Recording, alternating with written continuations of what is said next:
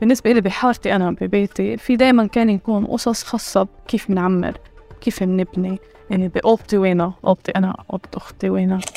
عم نحكي على نسبة تقريبا 93% من من الداخل الفلسطيني حدود 48 هو للدولة إنه أنت بدك تشتغل بالكسارة أنا بدي أفتح لك الطريق للكسارة. أنا إذا أنت بتعمل إشي ضدي بسكر لك الطريق. في جمعيات بقية بتشتغل بمناطق الغور مناطق الضفة على مناطق سي. هل إسرائيل عم بتخالف القانون الدولي بسرقة الموارد الطبيعية بالضفة؟ وأوامر الهدم هاي هي عبارة عن كمان مصنع مصاري جديد لإسرائيل.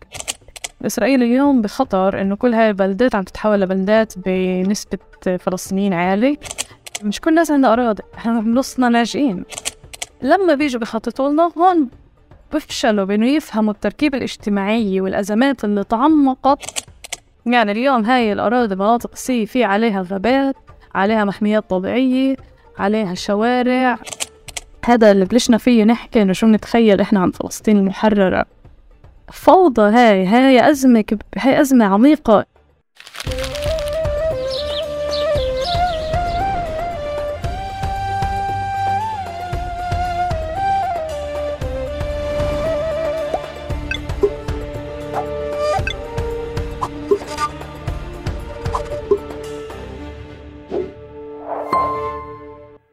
مرحبا واهلا وسهلا فيكم في حلقة جديدة من بودكاست تقارب. حلقتنا اليوم مع العزيزة لمش حادي آه، حلقة حوار رح تكون عن كيف الاحتلال بخطط لاحتلالنا.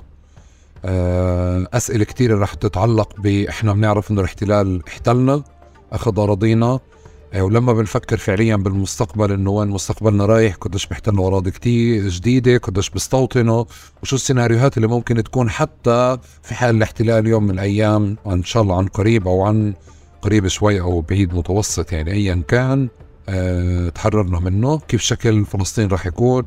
كيف شكل الأرض راح يكون؟ وكيف شكل حياتنا ممكن يكون؟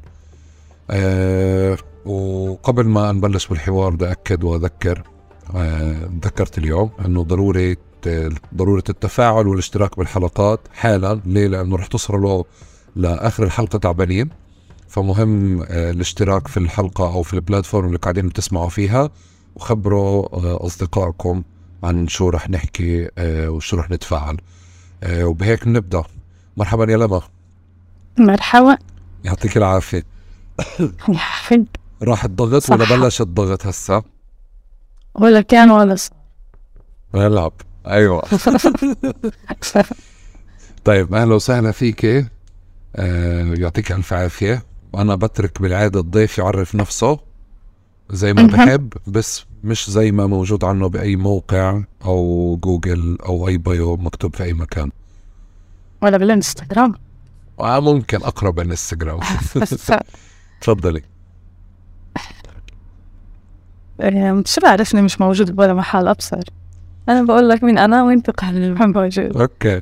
إيه اسمي نوش حادي. إيه أنا من كفر ياسيف بلد بالجليل إيه ساكنة بحيفا. إيه شو كمان؟ مهندسة معمارية مخططة مدن. إيه بشتغل بالتخطيط بالأساس بلدات عربية بالداخل بلدات فلسطينية إيه و وبحب بحب أعمل نحات. هم مخصص في البلد شفت؟ بحب أعمل نحات وبحب أتقاعد كمان عشان أصير أعمل نحات. السكن بس يمكن طيب آه كيف بتحبيشي آه، تعرفي حالك أو يتم تعريفك؟ نفسا يمكن. نفس بحب أعرفش مش إشي بحس إنه يمكن صح الواحد يعرف حاله فيه نهائي.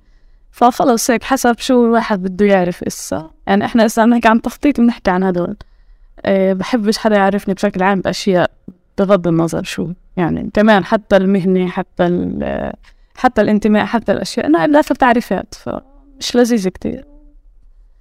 فيش إشي معين بحبوش دونا عن غيره يعني. غير الأشياء اللي طبعا أنا بعرفش حالي فيها. فأنا بعرفش حالي بمليون إشي من الحياة. أه بس الأشياء اللي هي فعلا عني تمام شو بعرف. المهم ما تكونش هي الإشي الوحيد اللي, اللي الناس بيعرفوه تعالوا. بس. أوكي. صعب هاد سؤالك. ما أنا ما أخذت إجابة. شو يعني شغلات؟ بحبش تعرف بشغلات. يعني. لا انه إنه اشياء بحدث يعني, آه يعني أنا مش هو- مهندسه معماريه وهالتعريف هيك لا السؤال مش. نظري. ارجع تذكري هيك مثلا بمساحات تانية أو بحيز تاني أو ناس شو بتحكي لما بيقولوا لما شحادي كذا. شي عيني أكتر. فيش اشي معين أبدا أوكي راح آخذ آخر إجابة مهندس آه. معماريه إنه يعني ما آه أنا مثلا بحبش آه أنا مش تعريفي يعني مش بعرف ما إيش بعمل بحياتي. شغلك أوكي. آه بعمل أشياء تانية كمان يعني ما ينفعش إنه هذا يكون تعريف هيك. طب أنا عندي فضول آه، السؤال الثالث أكتر. هلأ بالحلقة رح نتعرف عليك أكتر بالمسار خاصة مساحات التخطيط والهندسة اللي أنت يعني مضطرين نتعاطى معك كمهندس إلى آخر الحلقة.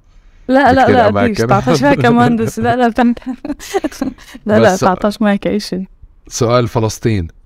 إمتى حضر عندك؟ أو آه، إمتى على يعني هيك آه، كيف بفضل إمتى؟ شو الكف اللي أكلتيه لصار سؤال فلسطين حاضر أو سؤال الاحتلال حاضر؟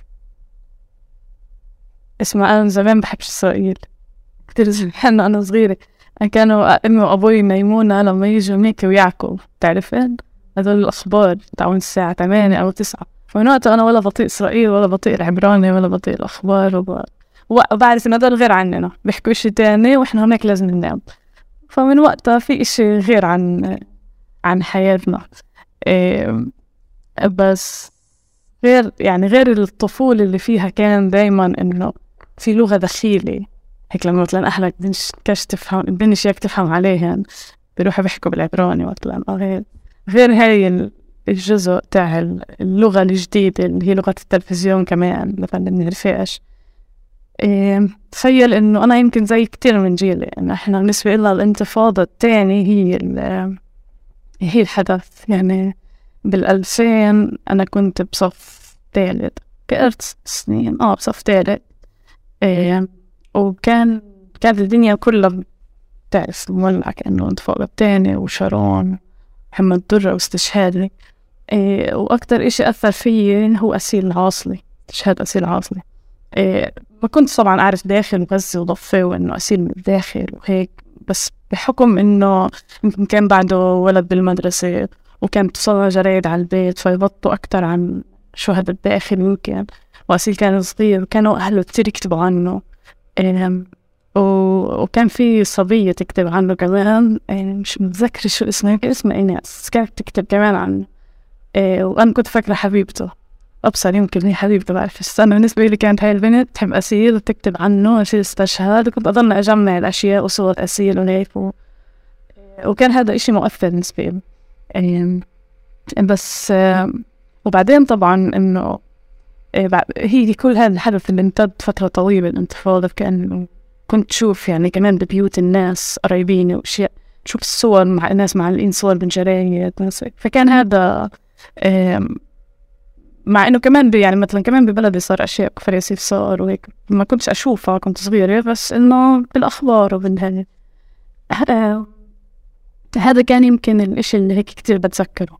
بس كمان بتذكر قبلها آه، مراحل أسرل كتير يعني بتذكر إسرائيل أكتر من يعني اللي قبلها بتذكر إسرائيل. يعني بتذكر آه، بالطفولة كأنه أوسلو بتذكر المظاهر ال- لما اغتالوا رابين يعني كان في مظاهر سلام. يعني بتذكر ابن صفي مثلا بالروضة كان بس بلوز عليه علم إسرائيل علم فلسطين حمامة السلام وغصن زيتون و آه، كان في stickers على بيوت وعلى سيارات مكتوب عليها سلام שלום. آه، كنت هيك بعدني بقرأ عبراني جديد و... وكان موجودين هدول بالخلفية. آم، بس أنا بفكرش إني تأثرت فيهن يعني بتذكرن صور مش كإشي بناه لشخصيتي. يعني بالآخر أنا كبرت ببيت وطني أمي كان دخل لي قرى المؤجرة على وظيفة الحساب. وعادي يعني ما كانش سؤال إسرائيل هو إشي اللي هو باخده من الناس كأنه يعني أبوي كمان كان ناشط بحزب ف... وعندنا جرايد بالبيت وعندنا حكي سياسي فمش يعني مرحلة الأسرة اللي هي تاعت المدرسة والتلفزيون وأوسلو. إحنا بالآخر خلقنا مع أوسلو ف ما ما كانتش ذاكرتي غير صور. أما الانتفاضة الثانية هي هي المعنى. عندي عندي فضول صرت كثير سامع آه، يا أسيل عاصلة بأثر بكثير ناس. بس نتيجة عمره نتيجة هسا أنت بتحكي يمكن لأنه كان طالب مدرسة. يعني حتى وأنت قاعدة بتحكي ب... بتبرري. بس آه لأنه أنا بسأل حالي كمان إنه ليش؟ بس تعرف عادي يعني دائما إحنا بنضل نسأل حالنا إنه ليش لا لا مش عادي لا بس دائما في حدا. لا مش عادي. بالقصد إنه ب... ب... آه كل حدا بكون في تحديدا بالشهداء لأنه بضل يسأل حاله ب... بصير يقول شو القصة أو شو الزاوية أو أو أو شو الشيء المشترك اللي الواحد شاف حاله بهذا المشهد أو شاف حدا من محبينه فيه. ففي حالة أصيل أنت شفت الشيء بس لأنه مدرسة أو بتفكري في شيء تاني؟ يعني إسا أنا بفكر إنه ب... يمكن مش متذكر منيح؟ يمكن كمان مثلا بعدين آه، أستاذ أسيل بالمدرسة صار أستاذي بس هي كانت لما كبرت آه، بعرفش إذا بوقتها يعني كمان كنت أعرف هاي الأشياء آه، إنه مثل بس آه كنت أعرف إنه هو ولد بالمدرسة. آه كمان غطوا عنه كتير بالصحف وإحنا بالآخر التلفزيون كان محدود كتير بهداك الوقت. مش زي اليوم فيش عندك إعلام هالقد إحنا بالآخر نحضر إسرائيل. آه فالجرايد كانت كتير مهمة. يعني بالنسبة إلي الجرايد اللي كانت تيجي على البيت هي هيك إشي بضبط بالعانة آه وكان توصلنا جرايد محلية بالداخل فبالتالي بغطوا أكتر. هسا ليش أسين دونا عن ال 13 التانيين ال 12 التانيين بعرفش بس كمان إشي إنه يعني أنا على الأقل أثر في قصة الحب اللي لحالي قررت إنه قصة حب بعرف هي شو. إيه وهيك آه يعني بتعرف كان ولد بالمدرسة يمكن بتخيل إنه هذا كان كان أساسي قصته يمكن. أوكي آه كفر ياسيف ليه ليه يعني بنحكى عنها بمساحات بفهمش ليه؟ يعني شو يعني شو؟ احكي لي عن كفر ياسيف أنا حتى ولا مرة سألتك عن الموضوع بس احكي لي عن كفر ياسيف يعني احكي لك عن كفر ياسيف آه لناس ما شمعوا يعني ناس ما شافوها آه، ما زاروها. إذا باختصار هيك بدك تحكي لنا عنها بصور. كفر ياسيف شوف هي أنا بالنسبة إلي فيش كتير يعني بقدرش أحكي عنها بأشياء إيجابية وبس أو إنه هيك بلد حلوة ولذيذة والناس بتحب بعضها وهيك و... يعني فيها أشياء كتير إيجابية وفيها أشياء كتير سلبية. بال... بالنسبة إلي بطفولتي كانت بلد كتير حلو. كنت أحبها كتير. آه، كان هيك عندي انتماء آه، عميق للبلد. بس من ناحية تانية بتعرف ما كنتش تعرف إيش تاني يعني. إحنا بالآخر داخل إحنا محصورين كل واحد بيعرف قريته وإذا إنه من بلد تاني بيروح عند درس إيده بصير يعرف كمان شوية أولاد. أما غير هيك بنضلنا بعزلة نوعا ما. بس كفر يوسف كانت هيك بالنسبة لي وأنا صغيرة محل كتير حلو في كتير أشياء. المدرسة كانت مدرسة الابتدائية يعني بحكي طفولة كانت مليانة طاقة. بنعمل فيها كتير أشياء بنروح دورات بنروح محلات كشاف ودبكة آه، هيك كان في آه، كان في زخم آه، وكان في كمان معنى للماضي وللتاريخ يعني بنعرف كتير عن البلد عن عن عن الناس الكبار اللي فيها بتواصلوا كتير مع مع الأطفال كانوا بهذاك الوقت وهيك بنحاول نعمل فعاليات مشتركة وتاريخنا وتراثنا وهيك. فإنه كان في عندي عن جد هيك حب لهي البلد. بعدين بس بلشت أكبر صرت أشوف مشاكلها زي أي قرية عربية بالداخل. يعني كل آه، كل قصصها وتركيباتها كان الاجتماعية الطائفية الطبقية الضيق اللي عايشين فيه علاقتنا بالدولة آه، ف فبس كبرت صرت أشوفها أكتر كمحل اللي بحصرني من محل اللي هو حلو كتير وبحبه كطفلة. آه، صرت أشوفها بلد فاشيشة آه، وفعلا بمرحلة اللي هيك تعال نقول يعني مش طفولة المراهقة أو قبلها كانت هيك بدك تخترع إشي تسويه عشان تسويه يعني بتخيل إنه بتشبه كتير تاني آه وهذا إشي بضيق يعني كمان الحارات كتير كتير على بعض الناس عايشة على بعض كليات وهيك فيش كتير إيش تعمل بعد المدرسة فبضيق الأفق شوي وبتصير تشوف أكتر الأزمات من ما تشوف الأشياء الساذجة الحلوة كطفل بس غير هيك إنه كفر ياسين في بلد هيك هي بالجليل الغربي تقريبا قريب كتير على قريب كتير على البحر بس إحنا بعاد يعني في بيننا وبين البحر شوارع مستوطنات فيها هيك شوي ناس عشرة آلاف يمكن كل الطوايف هيك سعادة وفرح هي كمان هيك شبوها الناس نحن عنا كل الطوايف.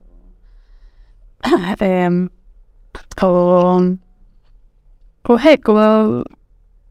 آه آه، بس فيها كمان مش بس كل طفايف فيها كمان ناس من كل المحل فيها ناس اللي هن من الأصل من كفر ياسيف فيها ناس لاجئين من قرى حوالينا في بلد متنوعة هذا إشي لا شك إنه اجتماعيا كتير مهم كتير كتير مهم بالذات ل بالذات بالداخل لما أنت بتربى بمحلات كتير مسكرة فكر التنوع الاجتماعي بيغنيك كتير لحد ما تكبر وتنفتح على العالم وفجأة تصير تعرف ناس من بريت البلد. على الأقل بالطفولة وبالنشأة كتير حسب رأيي بتنوع أساسي وكفر يوسف لا شك إنه نوعا ما متنوع. يعني. فا آه هيك بحبونا الناس عندنا مطاعم. طيب. آه. لما سؤال سؤال سؤال الكتل الرمادية أو الوصف اللي اللي اللي بتكرر في منشوراتك بتكرر بدردشاتك بهيك كل فكرة اللون الرمادي.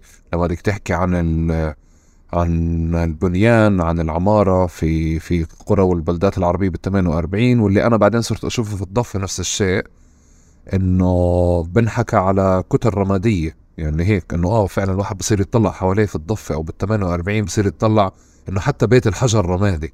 لأنه في لون البلوك ولون القصارة عندنا بالأساس. يعني هذا مثلا بمصر بكون لونه أحمر. okay؟ اللي هو الطوب. بس عنا آه مزبوط كتل كتل رمادية. هذا إمتى بلشت تشوفيه؟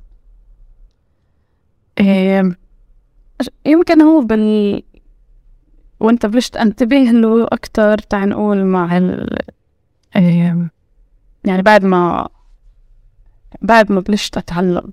يعني بعد ما بلشت اتعلم هندسة معمارية وبلشت أبحبش بالاسئلة ليش ليش إحنا هيك ساكنين؟ إيه. ليش بيتنا مثلا هيك مدخله ليه برندتنا بفل على هدول ليه نقلنا المدخل لهي الجهة إيه ليه بنينا بلا رخصة؟ إيه ليش أهل قرروا بعدين يزيدوا كمان إشي؟ ليه بعدين أجا قانون تاني وقرروا قرروا نعمل ملجأ؟ ليش هذا الملجأ فجأة ملزق بجيراننا التانيين؟ يعني في قصص اللي هي كيف حتى بيتي أنا يعني بيت أهلي إيه كيف نزاد شقفة شقفة كيف إحنا كل سنة في عنا كمان ترميم وكمان إشي وبتزيد كمان شغلة وتتقاتل مع الجيران و... وهداك بيعمر عندك. في بالنسبة لي بحارتي أنا ببيتي في دايما كان يكون قصص خاصة بكيف بنعمر كيف بنبني يعني بأوضتي وينها أوضتي أنا أوضة أختي وينها إيه إيه وقصص مع جيراننا. فكانت هاي كل الوقت بخلفية راسي وأنا بال... بالتعليم. التعليم ولا دخلوا بهاد ولا دخلوا يعني. التعليم هو شو اسمه؟ بالآخر بتعرف تعلمت أنا بالتفنيون اللي هو آه اللي هو أكاديمية إسرائيلية. آه غربة سنوات ضوئية عن شو بالواقع إحنا بنعيش.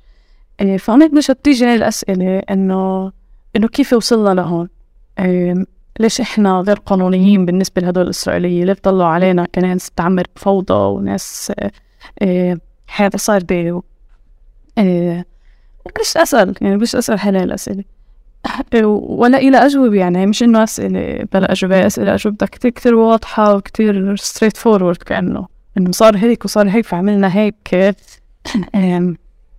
السنة هاي صار هيك يعني كله إنه كله متسلسل كأنه. إيه، فآه فصار كتير اللون الحمادي يبرز بين بين كل هاي الأشياء لأنه بالآخر الناس بتعمر هذا بعمر فوق ابنه هذا بيزيد شوي عشان عبال ما يرخصها بيبدأ يزيد بعدين اخذ الرخصة هيك. فدايما في أشياء تخلصش. في حدا بخلصش ورشة البناء المتواصلة هاي بالبلد. فبتضل يا انها مش مدهونة يا انها مش مقصورة يا مقصورة ومش ملبسة حجر يا هيك يا إنه بتكون هيك كمان مظاهر تاني تاعت إنه بنيجي عليه هذا البيت اللي هو طابق سادس مدخله من صالون ناس تانيين ولبسوا حجر. انه كمان في غير الرمادي في الحجر انه تلبس حجر كمظهر غنى أو مظهر رفاه أو إشي وأنت بالواقع بيتك هذا بالآخر يعني. آه، حتى البنك بيقدرش يبيعه إذا قد ما هو مش مش مش ما قيمة آه، بيع وشراء هو إشي بحارة فوضوية وهيك. بس إنه فآه فغير الحمادة كمان في الحجر. أو هيك وما آه في كمان إشي مش حلو يعني هو تشبيه حلو. في مرة قريت لصحفي من غزة بيحكي عن غزة بعد الحروب بعد كل حرب كيف بتتدمر وبترجع بتنبنى وكيف الناس دايما بتبني بانتظار الحرب اللي وراها. وهو كتير بيستعمل كلمات الرماد كلمة يعني اللون الرمادي والإسمنت وكيف بغزة كمان بنهوش كمان بيطلعوا أساسات لطابق إضافي بعمروهوش لأنه مش رح يعمروه إسا بركي صار في حرب بعمروه لما هن يعني هيك. فإنه كتير الإشي بيشبه إحنا مش بحرب حداش بيهدلنا البيت بالطيارة بس بس بيدولنا البيت بأوامر تخطيط بيدولنا البيت بقوانين معينة أو بنهدش بالمرة بس بضل فوضى على فوضى أو أزمة على أزمة. في نفس هيك الصور. طب آه آه قبل بدي أرجع كمان خطوة لورا وهيك وأرجع آه آه يعني ننعش شوية الذاكرة ب قبل ما تبلشي تسألي هذه الأسئلة أو تبلشي تتغربي أو تشوفي مناطق تانية أو بيوت تانية آه، أنا نظرتي مثلا لإلي ما قبل ما أتغرب وقبل ما أطلع كان لإلي المرحلة التسعينات آه، مع دخول الناس أكتر تشتغل بال 48 آه، من يعني من طول كرم وقرى طول كرم. بلشت أشوف بيوت الكرميد مثلا تبعها مش أحمر أخضر كرميد أزرق القصارة بدل ما حدا قاصر داهن أصفر داهن أحمر تلاقي ال ال البيوت هيك يعني صار تدخل عليها صور غريبة. بالنسبة لي كان غريب بس حلو بس مش حلو كتير. يعني كنت حتى وإحنا رايحين جايين من عند أرسيدي أطلع على هذه الصور إنه هذا إشي مختلف حلو بحد ذاته بس بالمشهد العام مش حلو. وقتها أنا ما كنت قادر أصفت هذه الصورة. بس بدي أرجع ل... ل... ل... لبني آدم هيك. حتى خليني أحكي حدا آه، عادي موجود في بلادنا آه، في كفر ياسيف أو بتحرك في البلدات العربية. من خلال انت قبل ما تطرحي هذه الأسئلة وقبل ما تدرسيها كيف شفتي أو كيف كنت شايفة؟ كنت فكرتيها لاس فيغاس يعني أو كانت بالنسبة لك كمان كمان منطقة مش ودودة أو مش ودودة حلوة أو مش حلوة. كيف هيك انطباعاتك كان عليها؟ تعال نقول إنه أكيد بعد ما بلشت أسأل حالي هاي الأسئلة صرت كتير أستصعب أشوف الأشياء حلوة. مع إنه ممكن تكون حلوة. نرجع نرجع. آه، إحنا قبل قبل يعني بعرفش إذا كنت أسأل حالي عن شكل شكل الأشياء بمعنى الجمالي تاعها إنه كيف هيك انبنت أو هيك لأنه كنتش يعني عم بفكر فيها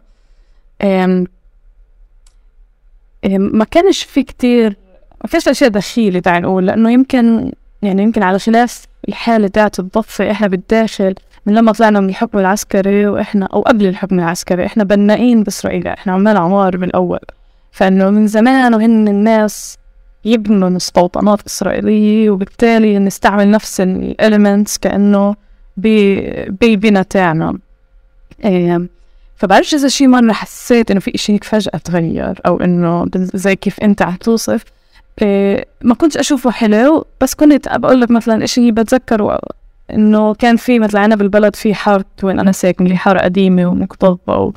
إيه وفي أراضي اللي هي أراضي ناس آه، كانت شوي للغرب هناك في ناس بلشت تبني يعني وإحنا صغار اللي هن هيك يروحوا يكون أرض فاضي ويبنوا. هذا كان إشي هيك ساحر إنه هي هدول عندهم أرض بيبنوا عليها هدول بيبنوش فوق الناس. هناك كان كان في أشياء حلوة. فجأة في واحد بيبني بيت طابقين كيف عندهم بيت طابقين كيف هيك؟ كيف عندهم أرض قدام بيتهم وسيعة هاي الأشياء ما كانش بنا يشبه الإسرائيلي يمكن عادي بس إنه إيه، كان كان آه كان حلو إنه هيك وإحنا صغار بنمشي بين الزيتون عشان نوصل لعند الناس. في هيك في وسع.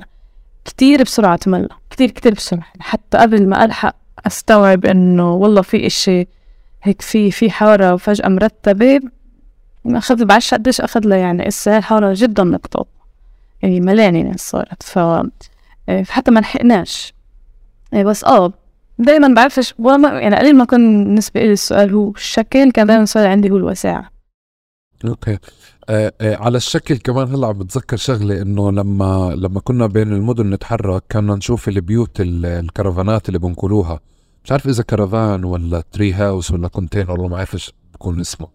اللي هو شكل بيوت المستوطنات زمان اللي هو بتيجي هيك بيت جرينه على هذا محطوط عليه القرميد تبعه جاهز. هذا كان كان كان لإلي كمان آه، إشي ملفت إنه إشي كتير حلو. اليوم لما برجع بطلع عليه إنه طلع طلع الواحد وتغرب وهيك. بس هذا في إشي بيتعلق بال بالأفق يعني. كمان كنت عم بجرب أشوف قديش الأفق مثلا في منطقة مثل كفر ياسيف آه أو الخيارات أو الإشي البصري آه، منوع أكتر من مناطقنا بس مش شكله كتير منوع. بدي يعني شوف بدي بتنوع بتنوع لما بتحكي عن عن محلات إسرائيلية. يعني لما مثلا بنروح على. بنروح على هو بنروح على إحنا كتير. تعال نبدأ إنه إحنا البلدات اليهودية بنعرفهاش. حتى لليوم فيش سبب تروح على بلد يهودية إلا هي مدينة مركزية وفي عندك فيها خدمات. مش هالقد إحنا بنستعمل. إيه بس مثلا نهرية اللي هي مدينة. آه بنروح عليها. ولكن في إشي تاني ولا مرة بتقارن يعني في نوع في نوع إنه فصل تام اللي أنت بتحسش إنه أنت بتقارن هناك بدك تفكر هناك. إنه تفكر بنهرية إنه ليه إحنا ما زيها. انه خلص هاي نهرية هاي مش إحنا هاي إشي تاني. هناك في بيوت أحلى آه في بيوت أحلى بس هاي مش مش إحنا. ما بخصناش آه فيها. م- مش وين إحنا في أشياء بس- حلوة؟ مثلا عكا آه. يعني عكا هي البلد تاع نقول إن آه فيها إشي لأنها ما انهدمتش البلد القديمة ففيها إشي كتير حلو وكتير بتحس أنت فيه إشي إشي جمالي عن جد وبتعرف إنه هذا إلك. هيك بتقول إنه آه هذا بيشبهنا هذا إلنا. يمكن عنا شوي هيك إحنا كفر ياسيف في البلد القديمة في كمان هيك بيوت حجر حلوة وإشي. أما آه يمكن آه هاي هيك okay. اللي ولا مرة يعني. بس حتى أنا مرة فكرت يعني أنا كل حياتي بمرق ببلد القديم كفر ياسيف يعني بيوت الحجر والأرض هاي اللي هيك مش مزفتة بعدها إيه، حلوة حلوة. حتى في بلاد بيوت عربية اثنين مع حوش مع شيء حلوين. هدول هيك آه هدول هيك أشياء حلوين حتى وإحنا صغار كنا بنشوف كان شيء كتير حلو. هيك زي المسلسلات السوري حلوين لأنا زي المسلسلات السوري طيب بدي بدي آه آه وإحنا وإحنا قاعدين يعني بنحضر أو بالتليفون المثال اللي ذكرتي لي إياه على يعني اللي هي ذكرتيها هسه هيك مرور الكرام إنه أنت على شو فرحان على بيتك وملبسة حجر؟ ما هو حتى البنك بت- بتقدرش تاخذ قرض عليه على البنك. واللي أنا وصلني وقتها بكيف أنا فهمت إنه البيت ممكن يكون قيمته مثلا 200 ألف دولار آه ومع الحجر صار 250 ألف دولار بس بالآخر قيمته آه، على ورق بس لأنه ما في حدا رح يشتريه. ليه؟ لأنه هو داخل جوا حي جوا بيت فوقه حدا آه، تحته حدا و... وداخل بمدخل مشترك مع حدا تاني وبمنطقة عربية وممكن يكون فيها كتير تفاصيل آخرها تفاصيل الجريمة. المثال هاد خلاني أفهم أكتر شو معنى بيت ب... ب... بمناطق عربية أو بلدات عربية واللي كتير رح نخوض فيه. في عندك آه، صورة تانية أو, أو مثال تاني أو وصف تاني ل للبيوت بساعدني كمان أفهم أكتر غير قضية البنك؟ إيه إذا بفكر كتير بدقيقة من التسجيل. لا. استنى يعني مش رح اقيم شيء سمعت كشف في هيك. غبن لا بدفع شوف بدفع. يعني إذا, هو- إذا, إذا تذكرتي لقدام نحكي بس يعني أنا أنا بهمني هذه الصور لأنه كتير ساعدتني أفهم. إيه أنا كمان ب- بفكر إنه في كمان أشياء هيك كمان دايما بنتبهن يعني إيه إحنا كتير كتير بيوتنا ومحلاتنا نظيفة.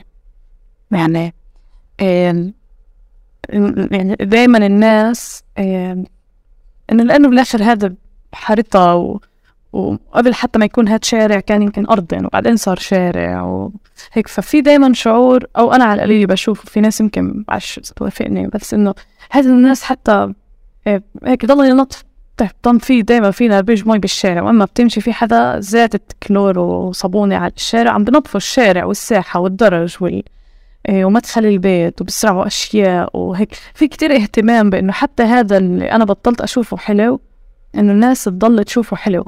كيف جاري شايف مدخل بيتي؟ لازم أظبطه لازم أعمله إيه، فصح يمكن الحجر هو نوع اللي هو أكتر هيك فيه ترف أو فيه الشعور إنه لازم يبين غني. في تفاصيل تاني اللي هي مش إني أنا ببين غني أنا بدي أبين نظيف وكيف أنا كيف أنا فعلا.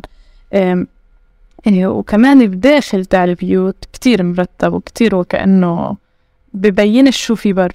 إنه أنت فيش عندك كتير إمكانيات برا تساوي أو تكون عندك البيت اللي تحلم فيه أو البيت بتحب يكون شكله أو هيك. فأنت جوا بترتب وبتضلك محافظ على تفاصيل بداخل البيوت. فهي كمان إشي حلو وحزين شوي.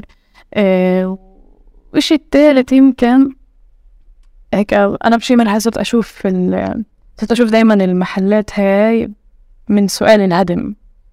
من من من لما هيك بلشت أشوف أرقام قد إيه في أوامر هدم فعلية على بيوت قد إيه في ناس بنت بدون رخص وبالتالي بيوتها مهددة بالهدم قبل ما تنبنى إيه وانت بنهدم بيت وانت بنهدمش؟ يعني بالآخر إحنا عايشين مش كل بيوتنا مهد يعني مهدومة. يعني بس بالواقع أرقام خيالية. هي أرقام الناس اللي بيوتها مش مرخصة اللي مش بوصلهاش كهرباء اللي بوصلهاش مي اللي اللي بمد من جيرانه بعد إيش فدائما كان عندي دائما كان سؤال الهدم هو هو هيك كيف أطلع على المحل في المهدوم وفي اللي ما انهدمش لأنه هو داخل البلدة ومش على محيطة أو مش قريب على الشارع ومش قريب على القطار إنما هو باللب تاع البلدة. فبالتالي ما انهدمش. أنا صرت أشوف هاد هو أكبر شكل هدم اجتماعي وهدم للبنية وهدم لل للبنية كمان الفيزيائية المبنية وكمان هدم للنمط الأنماط للحياة الاجتماعية. لما أنت بتكتظ وبتبني بهاي الفوضى وهيك. فصرت دايما أشوف إنه في إشي باللحظة اللي إحنا بنبني إحنا قاعدين بنهدم إشي. آه فبفكر إنه هيك يعني وكتير بفكر إنه مربوط بالجريمة اللي وصلنا له اليوم. طبعا لا شك إنه الجريمة هي موضوع بحد ذاته بس إيه، بس كمان وجودها بضمن هاي البيئة اللي هيك شكلها. إيه، وهيك تنظيمها الداخلي إيه، بغذي بغذي. إحنا بس نطلب بعض اليوم على صفة سيارة ودون أرض ودون متر سوري متر أرض. ف هي. كمان يمكن. أوكي. ساعدتيني أف أفهم بالصور هذا المشهد آه، ب 48 بمعزل عن الصور النمطية تبعت إنه كل المناطق أو الفلسطينيين اللي بالداخل حلوين ومرتبين وهيك كان لإلي مهم إنه أفهم كمان إنه آه، حتى الصور النمطية اللي أنا ممكن أكون ماخذها عن آه، عن المثلث إنه هو أقرب لمناطق الضفة كان مهم لإلي حتى أتعرف على كفر ياسيف أنه اللي هي يعني المفروض أنه بالشمال بأقصى الشمال. حتى هناك في صور رومانسية صور نمطية كتيرة بتخلينا نفكر أنه الإشي كتير مختلف. آه بالمقابل عندي صور نمطية كمان اللي عن عن كيف كيف الاحتلال بنى آه مثلا مدنه وقراه بأنه بناها بتنظيم وبترتيب وبكذا. بس لفتني إنه كتير مش شوي لما قلت لي إنه بأوائل السنين آه ما كانوش يبنوا صح آه كانوا يبنوا بعشوائية. والنقطة الثانية آه النقطة الثانية اللي فهمته آه رح أعطيك المايك. النقطة الثانية اللي فهمته كمان من من من أصدقاء تانيين إنه كمان في وجهة نظر بإنه تل أبيب هي مش مخططة صح نتيجة إنه أصلا كيف لما بلشوا يبنوها ما كانتش مثلا من المدن اللي آه، بيتم التفاخر بأنه آه هذه أفضل تخطيط أو أفضل كذا ف آه، كيف بلش البنى؟ كيف بلشوا يبنوا؟ أيوة. كيف انجنوا بنى عشان يثبتوا هن بلشوا يبنوا أول ما فتح فتح عينين على أرض فلسطين بلشوا يبنوا الجماعه وكل مرحلة كان إلها مميزاتها تاعت السرعة أو قد إيه مخطط البناء وقديش لا وهيك. إيه بس انبنى بنا بنا كثيف بلش كتير يعني خلص يعني صارت النكبة ثاني يوم. آه وحتى قبل. إذا بدي أفصل شوي عن تل أبيب. تل أبيب حالة تانية يمكن. تل أبيب بلش بلش يبنوها كتير قبل.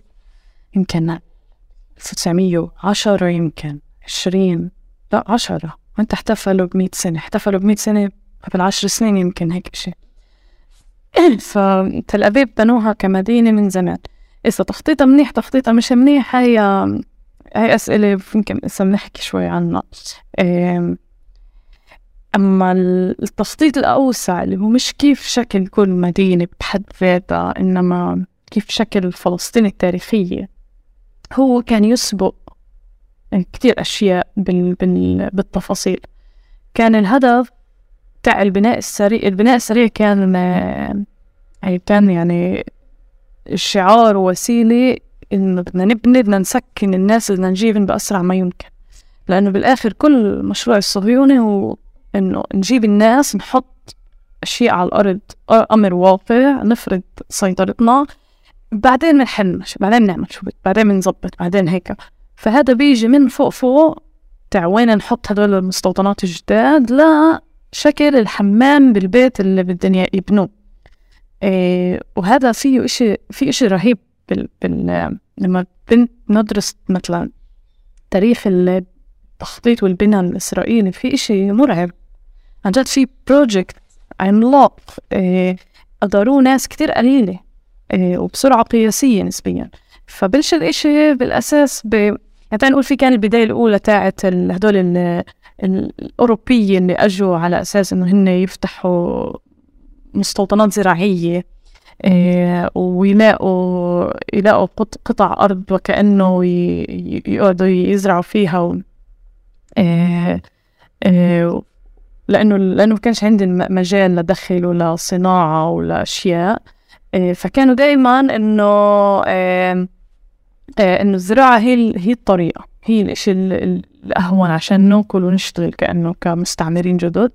بعد آه بعد موجة المستوطنات الزراعية اللي هي ما انتهتش بس هي بدايات آه وبعد ما احتلت إسرائيل فلسطين وأعلنت استقلالها صار في البناء اللي هو آه اللي هو مدن أكتر اللي هو بده يدخل عدد ناس أكبر. يعني بالمستوطنات الزراعية بالآخر بسكن الناس عدد محدود من الناس. آه المدن ممكن تسكن أكتر ناس فمش بناء المدن. وهذا بلش على إنه على ما بدأت وين في حدود بنبعت على بنوزع فيها مدن. بالمناطق الحدودية بالأساس مناطق قريبة على بلدات عربية إيه على إيه على قمم هيك مثلا على جبال إيه الهدف كان توسيع. كان إنه يمنعوا عودة الحدود لحدود قرار التقسيم مثلا تاع 47 أو عود أو منع أي اتصال عربي فل... عربي فلسط... فلسطيني فلسطيني تعال نقول بين ال... بين القرى. فقطعوها على طريقة المستوطنات بشكل اللي هي مدن على هاي المدن جابوا ناس آه، اللي هن المهاجرين الإسرائيل يعني اليهود اللي جابوهن. آه، على المدن بعتوا الناس الأضعف. آه، كانوا مثلا يوصلوا يوصلوا اليهود شي باخرة يرشوهم يرشون سبراي عشان ما ي... ما يعدوش أمراض وأبصر إيش. إيه وياخدوا ولاد الشرقيين كان وبعدين يبعتوهن لليهود بالذات اللي جايين من مناطق عربية أو إسلامية. إيه يبعتوهن بالأساس هن على مدن اللي موزعة وبعدها مش مبنية. فهاي المنظر تاع هذا البيت زي ال container أبصر شو. أجوا هدول العيال لقوا حل هيك إنه شو هاي الأرض فاضية؟ ليش جايبينها لهون أرض فاضي فيها أربع خمس كونتينرز هيك وهندي يسكن فيها.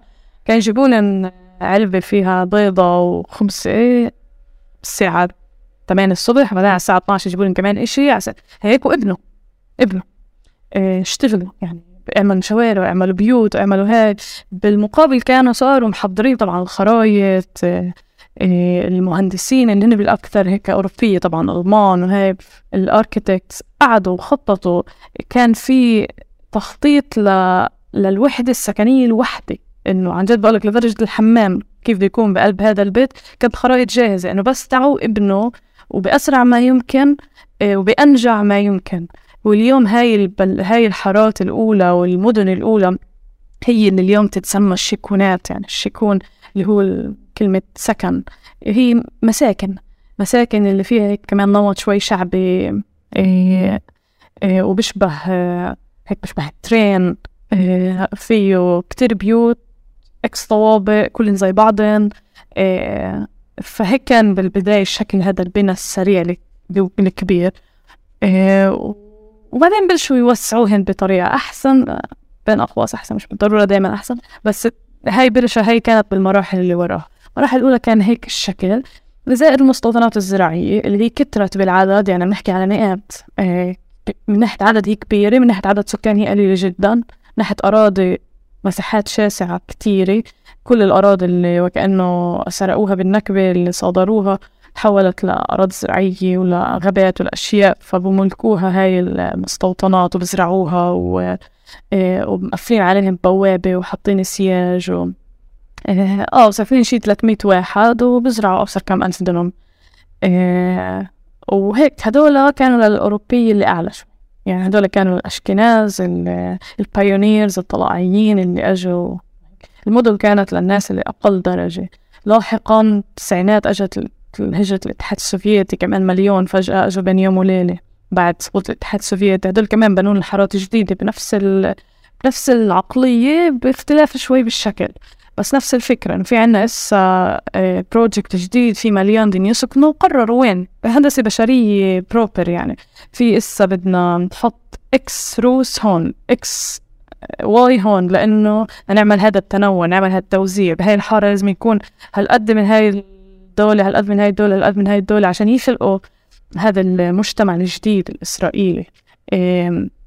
فهاي كانت آه، هيك المدن عارف إذا في مدينة طبيعية اللي بنقدر نقول عنها مدينة اللي هيك اللي نشوفها مش كمستوطنة مش كفعل هيك من فوق.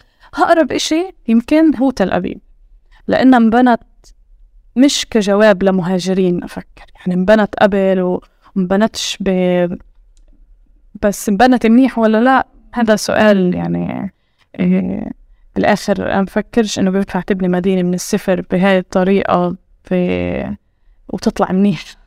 إنه في أشياء اللي هي تاريخية يعني بتتطور مع مع الزمن مع الناس مع ثقافة الناس. طول ما أنت باني إشي على أرض فاضي معتبرها فاضي وأنت رحت جبت خريطة من من ألمانيا وحطيتها لو يكون المهندس شو بعرفني شو كيف بده يطلع إشي منيح؟ بالآخر تل أبيب هي هيك. كل البيارات كل الدنيا يافا القرى اللي تحت تل أبيب انهدمت ومش هتلاقي تتوسع عليهن إنه بأي بأي يعني منطق ممكن كانت تطلع مدينة يعني.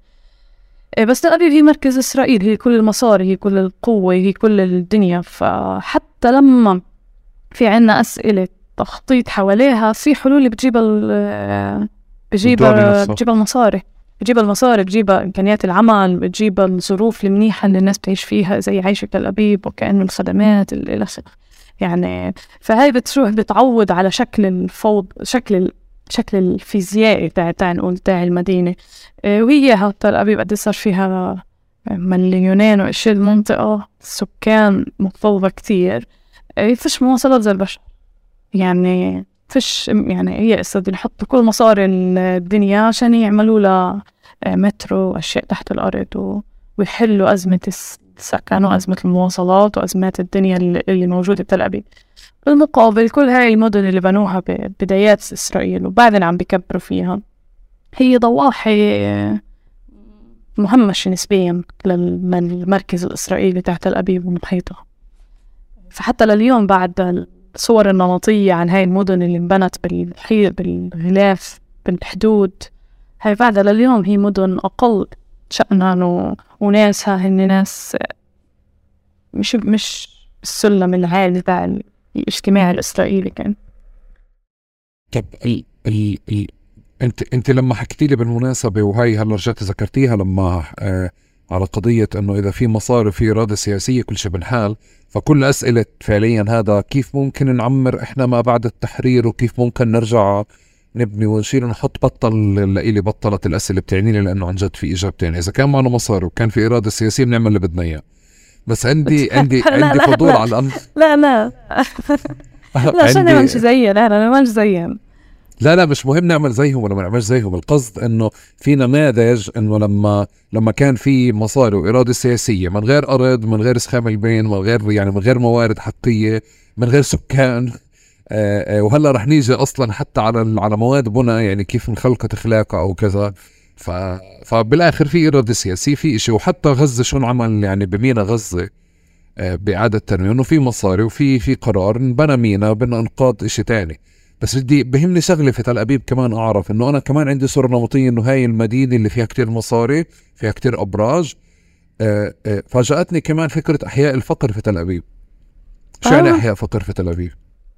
أنا زي كل. زي كل المدن فيش مدينة فيش فيها فقر مدينة ب...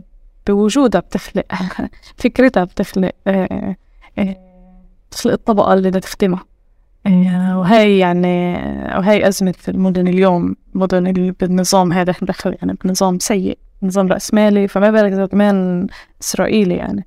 آه، فآه في بتل أبيب أحياء فقر في آه، في أحياء فقر اللي فيها ناس من وكأنه من طبقات أقل آه، من المجتمع الإسرائيلي. آه، في أحياء فقر اللي هي لاجئين السودان أريتريا يعني مناطق آه، أفريقية اللي هن بيلجأوا كأنه دائم زي كل الدول العالم بسؤال تعطيهن آه، حقوق. ما تعطيهنش اللاجئين مش لاجئين هيك فهن موجودين. آه، هن طبعا كمان مرات قوة عاملة و في مظاهر لجوء في ألوان بتل أبيب في مناطق لونها أسود ناس آه، ناس كانوا كمان إسرائيليين أو هي في في مناطق متروكة يعني أحياء كاملة مثلا فيها كان محطة كان فيها مول مرة وإسا متروك فهي كمان محلات اللي بتتحول لأحياء فقر. آه، فآه في كل الصور النمطية اللي نعيشها عن مدن العالم. وأحياء ال- الفقر فيها موجودة بتل أبيب. آه، وشمال تل أبيب هو لل... هو الصورة النمطية اللي إحنا بنعرفها عن تل أبيب. هي شمال تل أبيب. هي للمستعمر الأبيض اللي اللي حارته منيحة وبركب سيارته وبيروح على شركة الهايتك القريبة على بيته وباخد خدمات ممتازة. وهذا شمال تل أبيب. آه، طبعا جنوب تل أبيب وراها بيجي يافا. ومحيطة في المدن الفلسطينية التانية كمان. فآه يافا هي كمان مدينة فقر كاملة بقلب صفة آه، بالعتا تل أبيب. آه، وفي يافا في يافا تاعت المستوطنين اليهود في يافتين في يافا فيها السكان الفلسطينيين اللي هن عايشين بجيتو لليوم بأحياء فقر. وفي يافا القديمة يافا ال- ال- الحلوة تاعتنا صورة يافا اللي بنعرفها هاي اللي عن الشط. اليوم بوتيك واحد كبير رمموها وحافظوا على الإشي الأوثنتيك الحجر اللي بيلمع لمع وياها كلها اليوم فنانين واستوديو لا بعرفش مين هذا فنان وهذا حتى دول بيعتبروا حالا اليسار ال- الإسرائيلي. اللي هيك بس بس معلش بحب شكلنا لما بدي أقاطعك. أنا سؤالي سؤال لأنه بالحلقة كلها بنحكي على قضية التخطيط بشكل أساسي فهي يعني رح برجع أطلع عليها. لإلي بطلع على تل أبيب زي كأنه هذا النموذج اللي فيه خلاف على إنه تخططت منيح أو ما تخططت منيح. فلإلي في سؤال استفسار بت بال بتعلق بإنه هذا الحي أو هذه الأحياء اللي أنت عم تحكي عنها هي بن مثلا بالنتيجة لأنه ما تخططت جيد أو نتيجة تعدد التخطيط أو نتيجة أنه كان في فجوات أو يعني عم بجرب أشوف مدينة تم الاهتمام بالتخطيط لإلها طول الوقت حتى لما بتحكي لي في في خلل بالمواصلات أو صار في ضغط على شبكة المواصلات رح يكبروها. آه، بيشتغلوا على تكبيرها الآن. آه، شو يعني حي فقر ب- هذا نتيجة شو؟ يعني كتير- بكل مدينة يعني في في له سبب يعني. آه آه في ما هو مش يعني بقدرش أعطي جواب واحد لأنه في اختلاف يعني في فرق بين يافا وبين حي فقر آه، إسرائيلي وبين حي لاجئين آه ب... وفي كتير أشياء اللي هي منها مثلا إنه إنه دول ناس أضعف هدول ناس تاريخيا ساكنين هناك. مثلا حي اللي هو لناس آه، بالأساس من من دول العراق واليمن يهود موجودين بحي اللي هن جابوهن عليه يعني مش إنه الناس بتعرف تختار بس هدول الناس ولا مرة طوروا لنا أحياء هاي هن ناس أقل بال آه، من ناحية آه، من ناحية اقتصادية آه، فولا مرة طوروا لنا ولا مرة هاي. شو بتيجي بيجي التخطيط بيساوي لو بدي يحل مشكلة هاي فقر بيجي بقول إنه أنا هون لسه بدي أبني بدي أبني مثلا على كمان برج وبعوض الناس مصاري. وعادي بصير في إخلاء. بيعملوا أوامر إخلاء لناس به- بيهجروها من هاي المنطقة. مين هدول الناس؟ هن كمان أنا فاكر هدول كمان ضحايا صهيونية. هن ضحايا هاي ال- هذا المشروع الاستعماري الكبير إنه آه، غير فلسطينيين في كمان يهود أقل آه، من من الأوروبيين المنتفعين لأن كمان ضحايا. آه، بتل أبيب بنشوفك بنشوفها بنشوف وبنشوفها كمان بهاي ال- بال- بالمدن ال- اللي بالضواحي فآه بتيجي مثلا كمان ما نقول فيك عندك حي بيجي المترو تحته. إذا الحي قوي آه هذا بيقدروا ياخذوا قرار بيأثر سياسيا أكتر تاع كيف يمشي كيف تصير المسارات كيف آه بأنه هذا الحي القوي بيقدر يأخذ كمان مثلا حقوق بناء كمان تطوير كمان هيك. حي الفقر ضل بس برجع لورا. بصير الحل تاعه هو إنه تفضيه وت... وتبني محله. وهيك الجنتريفيكيشن اللي بنعرفها اللي بتصير بالمدن بتصير بتل أبيب. بتصير على هاي الأحياء بتغير شكلها بتنقلها بتنقل هذا الفقر على محل تاني. آه، التخطيط ما بيخلقش الفقر. التخطيط ب بصنفه بقسم الحارات بيعمل هذا السيجريجيشن الواضح بين الناس. بيعمل جنوب تل أبيب مختلف عن شمال تل أبيب. التخطيط بيجي بيقمع الفقير أكتر بيجي هيك. آه، أما هو بنج بنجش بمعنى إنه هو بيعمل الناس الفقيرة فقيرة. بس بغذي تعنو بعززها يعني زي العشوائيات آه بمصر آه لما أنت بتيجي بنص المهندسين ممكن تلاقي آه، مناطق عشوائية. عشان هيك كان عندي فضول إنه مثلا قيل هذه المناطق اللي كانت الناس تشتغل فيها آه، وتخدم أحياء ما أو هذه المناطق اللي هي أساس المناطق هاي. بس التخطيط لما صار بيجي تطوير الشوارع أو إنك تمدي كوبري صار بتحطي لوح زينكو عشان تغطي المنطقة هاي. لأنه نشاز قدام المشهد اللي أنت بتتمنيه آه آه بنحكي قاعدين بنحكي لما على انفجار في البنى وبنحكي على على على تخطيط وبنحكي على تثبيت وجود وكذا و ولإلي بدي أرجع للسؤال اللي أنت شغلك لفترة اللي هو سؤال الكسرات اللي هي يعني كجزء من مواد البنى بالطبيعي إنه في كم آه. الانفجار هذا في البنى بده مواد بنى كبير كثير يعني من وين إجت هذه المواد؟ إيه أول شيء آه يعني بالسنوات الأولى تعال نقول آه الف الفلسطينية تحت حكم عسكري فلسطينية الداخل تحت حكم عسكري مسكر عليهن مش عليهن بمعنى بس إنه ممنوع يطلعوا يفوتوا كمان مسكر على مجال حياتهم إنه في هاي الدائرة هناك أنتم بتبنوها كل ما عدا ذلك اللي هو عم نحكي على نسبة تقريبا 93% من من الداخل الفلسطيني حدود 48 هو للدولة. صادرت إسرائيل بفعل عدد من القوانين طرق تسجيل مختلفة إلى آخره أخذ كل الدنيا. لما هاي هاي المساحات كمان كان عندنا الحرية المطلقة تاعت وين يعمروا ومن وين يجيبوا المواد البناء؟ فبيجوا بيستهدفوا المناطق اللي فيها غنى من ناحية تربة ومن ناحية جبال اللي بتقدر توفر مواد بناء بيعملوا المحجر وباخدوا المواد. آه، أخذوا محاجر موجودة اللي كانت سابقا بين ملكية فلسطينية آه، على أراضي إلى ناس فلسطينية. هاي أخذوها بكتير محلات آه، وعملوا محاجرهم الخاصة.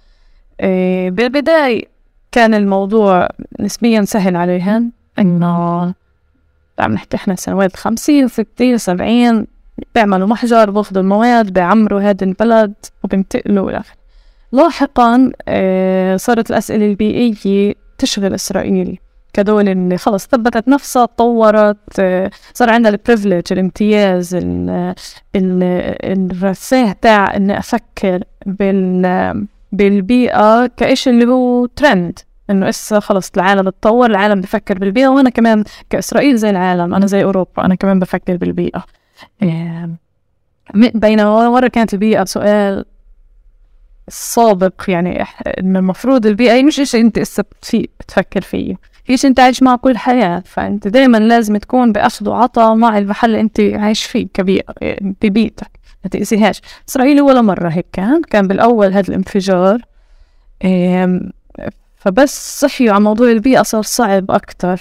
موضوع الكسرات بالداخل صار عليه شروط بيئية صار المستثمر اللي بده يعمل كسارة يحتاج يحتاج يحط مصاري كتير على إعادة ترميم على مواد على آلات أحسن عشان ما يعملش ضجة وما يعملش غبرة وما يكونش المحيط متأثر إلى آخره.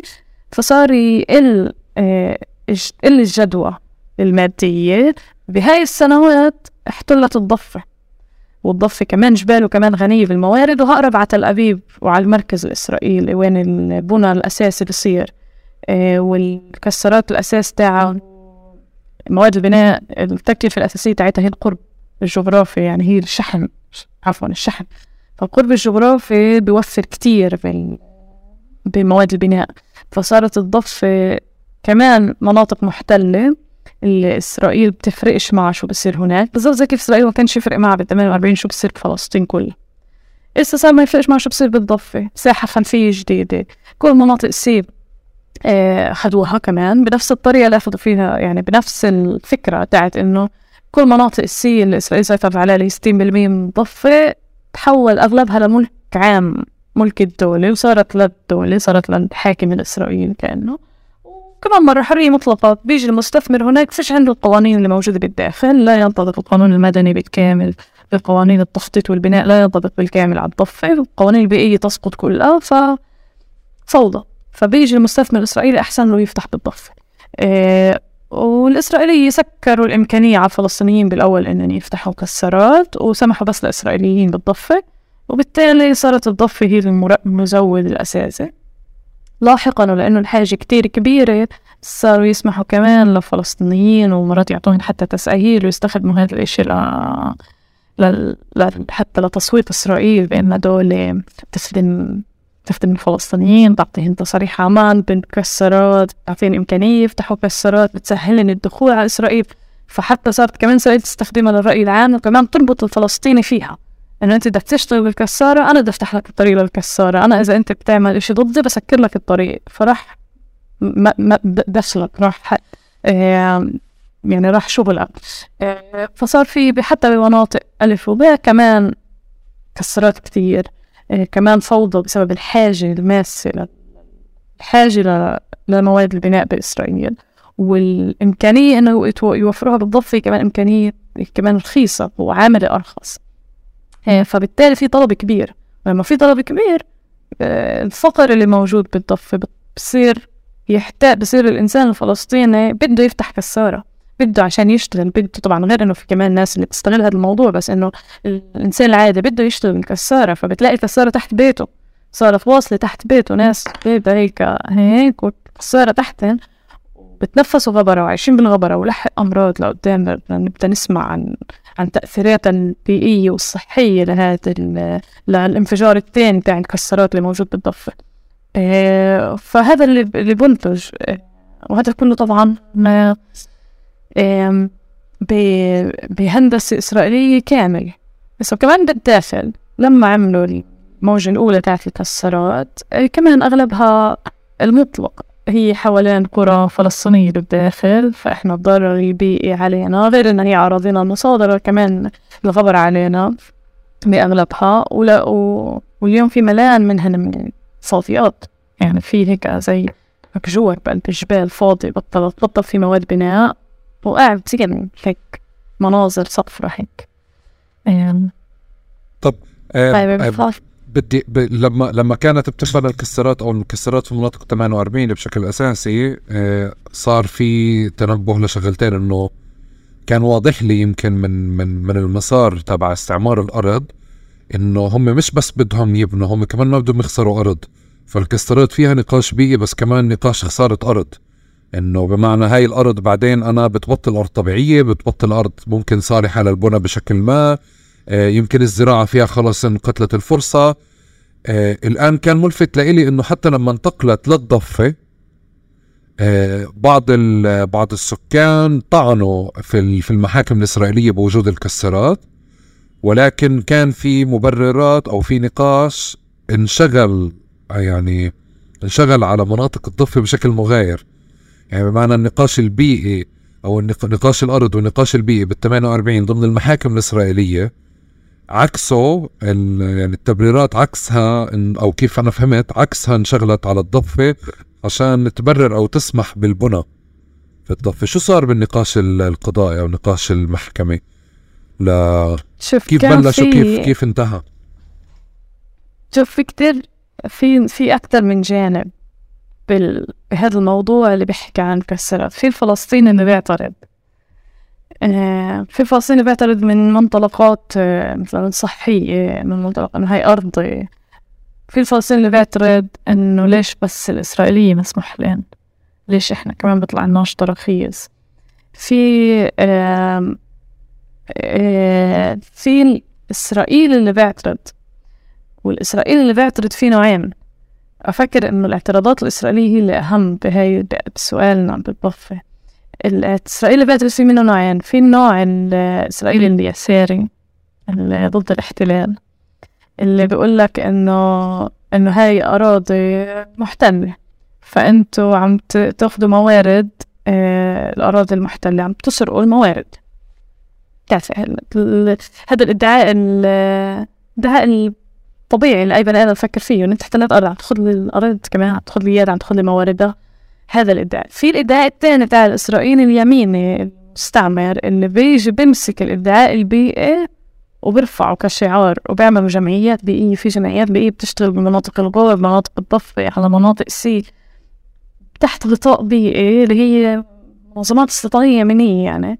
ليه؟ عشان بدن المحكمة آه تعمل سوابق قرارات سابقة اللي تدخل فيها قوانين بيئية على الضفة. واللي هي تمهيد ل إدخال القانون المدني بالكامل كأنه القانون الإسرائيلي بالكامل على الضفة. وتوتش هاي مناطق عسكرية اللي بيحكمها قانون بس قوانين عسكرية إسرائيلية. لما تصير مناطق إسرائيلية زي كل الدنيا زي كل الداخل. فهاي وسيلتهم إنه إنه يستغلوا النقطة البيئية هاي علشان علشان يطبقوا حكم مدني اللي هو بالط... اللي هو طبعا مقدمة للضم ولضم هاي المناطق ل... لإسرائيل هي مقدمة لتوسيع رقعة السيطرة الإسرائيلية إيه على كل مناطق الضفة كأنه ف... ففي هذا النوع. بالآخر المحكمة الإسرائيلية المحكمة العليا عم بحكي طبعا. المحكمة العليا بالآخر رفضت كل طعنوا بالكسرات كسرات قانونية حسب المحكمة الإسرائيلية. العليا آه، والإدعاء المركزي اللي جاوبت عليه المحكمة هل إسرائيل عم بتخالف القانون الدولي بسرقة الموارد الطبيعية بالضفة؟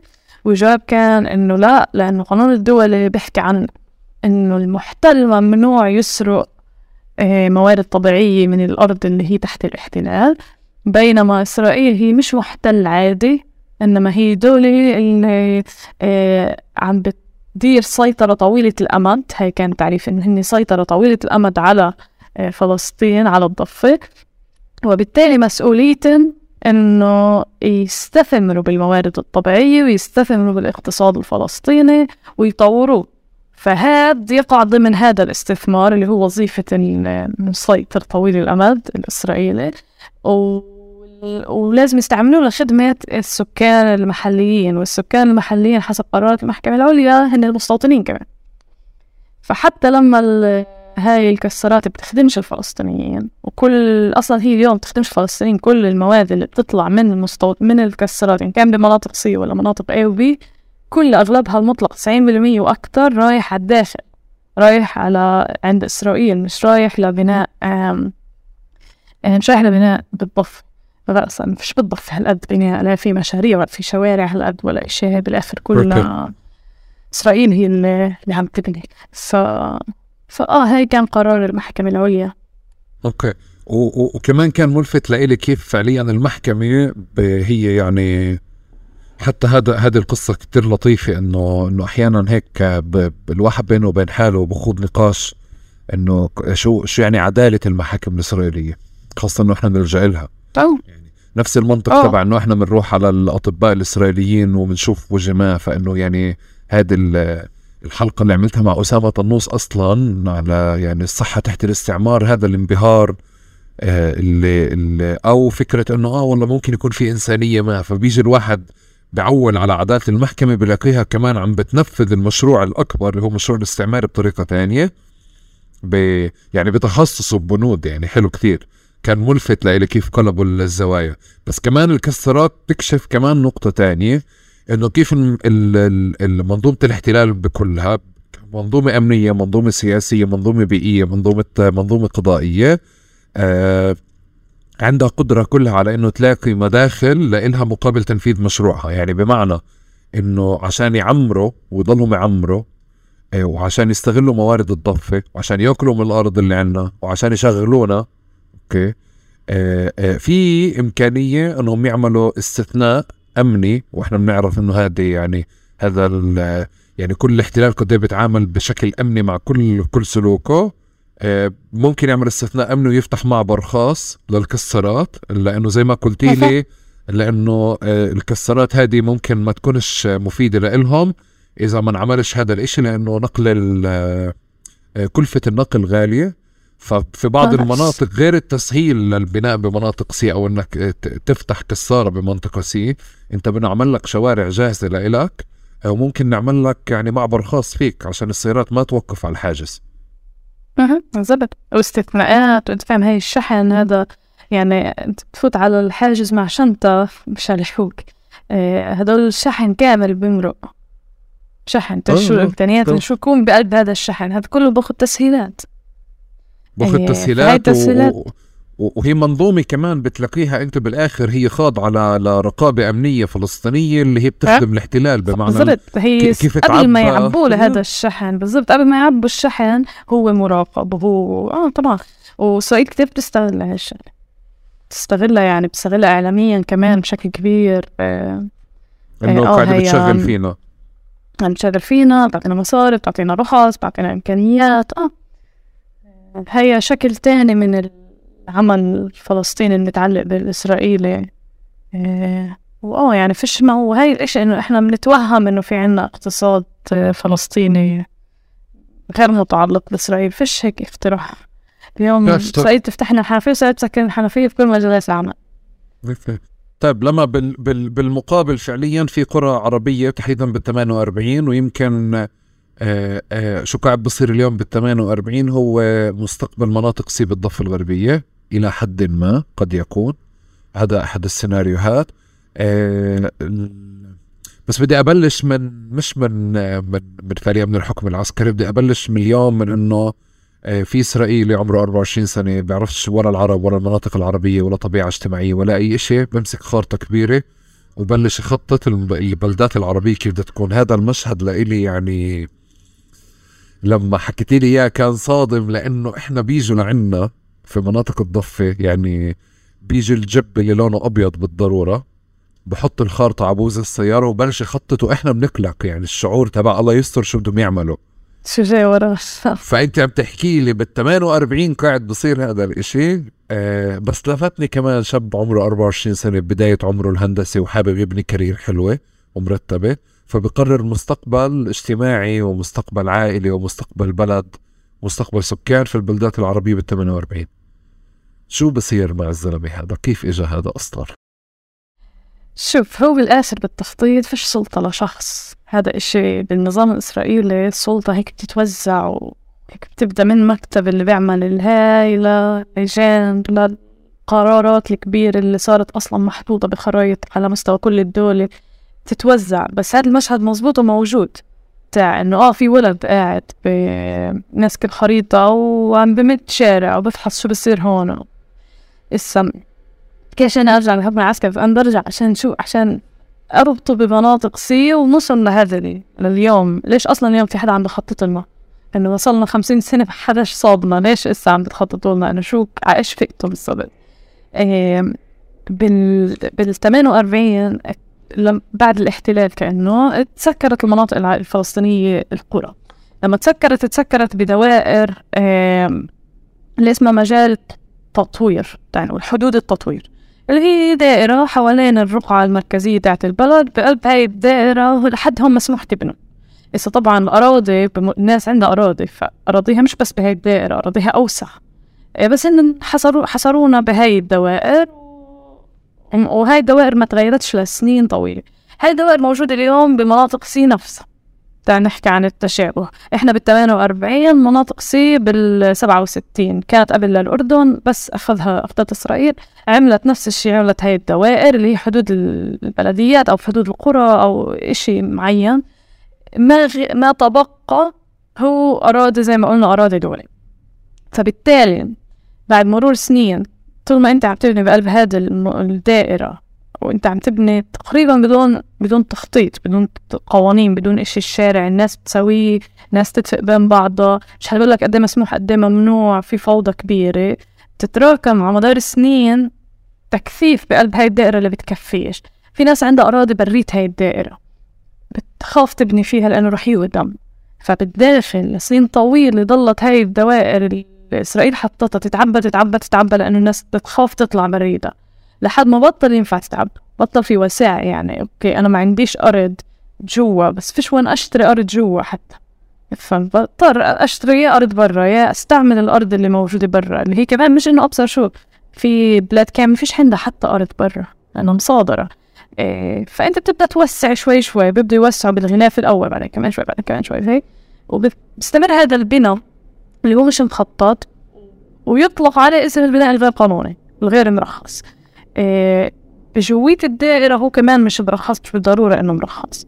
إيه وبريت هاي الدائرة أكيد مش مرخص وعليه أوامر هدم بكتير محلات ومناطق. وأوامر الهدم هاي هي عبارة عن كمان مصنع مصاري جديد لإسرائيل مش جديد عفوا بس مصنع مصاري إنه إيه بتهدش البيت بعطيك مخالفة بناء. فبتضلك أنت كل حياتك تدفع مخالفات. إيه إلا إذا بدك تهدي البيت. أو إنه بيجي هن بيهدوا لك إياه. وإذا هن هدوا لك إياه بدك تدفع النص مليون شيكل لأن شي 200 ألف دولار بعرف قديش عشان هن هدوه وجابوا كل العسكر وجابوا كل الدنيا عشان يهدوه فأنت بتدفع كل هاد. ففي ناس ما بتهد بيتها من حالها. إيه ففي في نظام كامل شغال على إنه على كيف إسرائيل يدير قد إيه بتتوسع هاي البلاد خارج هاي الحلقة وقد إيه مسموح له وقديش لحد ما وصلنا للقصة لقبل تعال نقول هاي هيك قصة بالسنوات الأخيرة. إيه إسرائيل بتكثف من ناحية الهدم لأنه البيوت هاي بلشت توصل لشوارع رئيسية بلشت توصل ل...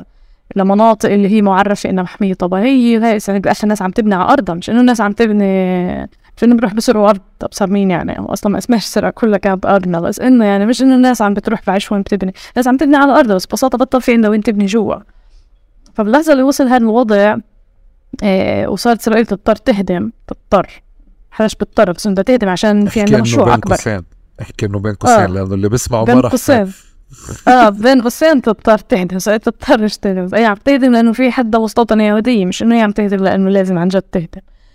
فباللحظة اللي بصير هذا الوضع إيه وبتصير إسرائيل بدها تهدم إيه بيطلع على السطح سؤال طب بدكم تهدموا؟ معناها أعطونا إمكانية نرخص. إحنا مش حنقدر يعني أنتوا عم تهدمونا لاننا مش مرخصين وبنبني غير قانوني. طب أعطونا الإمكانية نبني قانوني. إحنا بدنا نبني قانون أعطونا إمكانية. شو هاي الإمكانية معناها؟ معناها خريطة. معناها إنه يكون في بعي البلدة خريطة اللي اسمها خارطة هيكلية ولاحقا خارطة تفصيلية. اللي معروف وين الشارع معروف وين المنطقة المسموح تبني معروف كم طابق قد بدك تزيح عن جيرانك وين بدك تحط صفة السيارة. هاي أشياء ألف باء عشان الناس تعيش بنظام معين وما تصفيش كمان هي تأكل بعضها. إيه فإحنا فيش عنا مننا دول فيش عنا خارطة هيكلية اللي هي إشي يعني حديث يعني كان حكى إنه مرات الخرائط الهيكلية تكون آخر مرة انعملت بالثمانين. إحنا هسه 2022 يعني ولا مرة تجدد خرطة الهيكلية حتى بظرف تاخذ منها رخصة وبتكون بس على الدائرة المصغرة وما توسعتش. وإمكانية إنك توسع هاي الدائرة ترفض. كل مرة بتتقدم الخرايط مرات ترفض. إيه وبعتوك بالآخر إمكانية بس توسع على أراضيك الخاصة حتى ما يعطوكوش أراضي إضافية دولة مثلا. اللي تعرف بدك تعمل مدارس بدك تعمل ملاعب شوارع إنه ليش هي كلها على أراضي الناس؟ إنه فبصير هاي المشاكل. إسا اليوم إحنا بموجة بموجة آه، تمويل لخرائط هيكلية وخرائط تفصيلية بالبلدات العربية بلدات فلسطينية بالداخل. آه، وأنا بشوف هاي الموجة كهيك إشي بإيدي على قلبي يعني إنه عن نتائجه. وين بدك وين بدها تخلص هاي الخرايط بدها تاخذ سنين وين تبدأ الناس تعمر حسابها. شو الأزمات اللي رح تخلق نتيجة وجود هاي الخرايط بهذا الوقت المتأخر جدا؟ ليش إسرائيل عم تعملها اليوم؟ كمان مرة. كمان لأنه الناس عم تبني بريت هاي الحلقة وعم بتقرب على شبكات آه، للدولة بس كمان لأنه صرنا نطلع نسكن بالبلدات اليهودية يعني اليوم إحنا فيش عنا وين نسكن. آه، المحل الملجأ الوحيد اللي ممكن نروح له هو هيك مرات المدن المختلطة اللي إحنا بنسميها مدن مختلطة حيفا عكا عم أحكي بالشمال. بس كمان هدول هن مش كفاية فيش فيها كفاية عارض للفلسطينيين يعني بحيفا مدارس العربية مليانة. حتى إنه يعمل مدرسة عربية جديدة مش موافقين لأن حراق العربية الأحياء العربية بحيفا مليانة. إيه ففي أزمة إيه عكا المناطق العربية فيها كمان صارت تتحول لأحياء فقر. ففي كمان هناك أزمات. الحل اللي عم بيلجأوا الفلسطينيين الداخل هي نروح على البلدات اليهودية القريبة على البلدة العربية تاعتن وبالتالي بيقدروا يسافروا يوميا روح رجع على مدارس ولادن على الدورات تاعت الأولاد على على الحضانة ولا بده يحط الولد عند أبصر مين بعد الشغل فبصفوا الناس عايشين بمستوطنات يهودية فيهاش ولا إشي اجتماعي إلنا لا خدمات يعني فيها الخدمات الأساسية طبعا العادية أما فيهاش حياة اجتماعية فلسطينية فيهاش مدارس. إن هي عبارة عن أوتيل كبير بشع جدا أنا حسب رأيي بس هو أوتيل كبير عمارات عمارات وخلاص. إيه، أوكي فيها هيك بارك فأنت بتمشي بالليل يمكن بمحل لذيذ بس غير هيك أنت فيش بربطك بهالبلد. إيه وبتضطر تسافر يوميا على بلدك القريبة تعمل أزمة سير يعني تضطر إنه أنت بالبيت يكون عندك minimum سيارتين عشان تلحق إنك أنت دايما مضطر تستعمل البلد اللي هي بريت وين أنت ساكن. فبتصفي البلد أوتيل. أنت عم تستعملها كأوتيل. بس هاي إحنا من ناحيتنا إنه هاي فرصتنا الوحيدة إنه نلاقي وين نبني. إنه نلاقي سوري مش وين نبني وين نسكن. إنه غير هيك وين بدك تبني؟ فيش وين تبني بالبلد. إيه بس هاي صارت مشكلة الإسرائيل إسرائيل. اليوم بخطر إنه كل هاي البلدات عم تتحول لبلدات بنسبة فلسطينيين عالي. إيه يحكى إنه مثلا نتسارة عليت ناصر العليا إيه اللي هي اليوم اسمها نوفا جليل تقريبا تصير أربعين بالمية منها عرب. نحكي على السنوات القريبة. هاي نسب كتير بتخوف الإسرائيلي إنه هاي البلد عم بتتغير شكلها بتتغير طبيعة.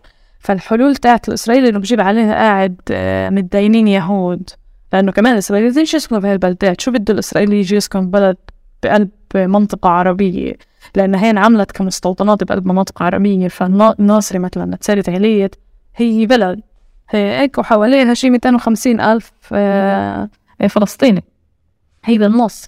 فهيك كمان طبعا ماخذة أراضي قدنا كلنا بس إنه آه، هي مش إشي اللي بيجذب الإسرائيلي. بيجذب مين؟ بيجذب الإسرائيلي اللي عنده نقص مثل المتدينين الإسرائيليين الحريديم هذول بيبنوا الحارات هناك وبيجوا بيستقطبون هيك إشي بيشبه المستوطنين بالضفة. آه، فهذا اللي هيك عم بصير بهاي البلدات بخطر وبالتالي صاروا يخططوا لنا وهون من هذا الموضوع تاني لما قرروا يخططوا لنا هاي قصة بحد ذاتها. أوكي. أنا أنا بتعرفي هسه وانت أول مرة بنتبه يعني كمان شغلة تانية إنه لما شفت إن تسارت عليت آه، أول شيء بستفزني فيها اللي هو قضية يعني الإعلام بس أنا بطلع حتى بشكل الاعلام اللي كان موجود هم عم باكدوا على إسرائيلية مساحة ما آه، وإنه هاي مش مناطق فلسطينية أو مناطق عربية لأنه ما بتعرفي أنت يعني هو الفاصل لإلي كان ما بين الناصر ونتسارت عليت والإعلام والدوار هذا البشع يعني. بس كمان بقدر أفهم إنه آه، آه، حجم قلقهم من آه، من إنه سكان الناصري مثلا انضغطوا فبلشوا يسكنوا بهديك المناطق. فصرت أطلع كمان جزء من تأكيدهم بالإعلام والرموز الإسرائيلية على إنه يعني بدهم إياها تضل فعليا هذه مستوطنة هذا حي حي إسرائيلي. بس كمان اللطيف يعني ما بعرف إذا لطيف أو مش لطيف بس كل فكرة إنه قديش بنت سيرة عليت كمان صار في أحياء عربية صارت المشاكل الموجودة بالناصر إذا في جريمة ولا في مخدرات ولا في كذا كمان هناك. فيعني صار في أحياء أو صار في المشاكل العربية صارت جزء من آه، من هذا الحيز. بدي آه، أرجع أنا وياك بس شوي لورا لقضية إنه حتى التخطيط الاست... التخطيط الاستعماري للمناطق العربية هو ما بأخذ بعين الاعتبار أي ثقافة عربية ولا أي بنى اجتماعية موجودة.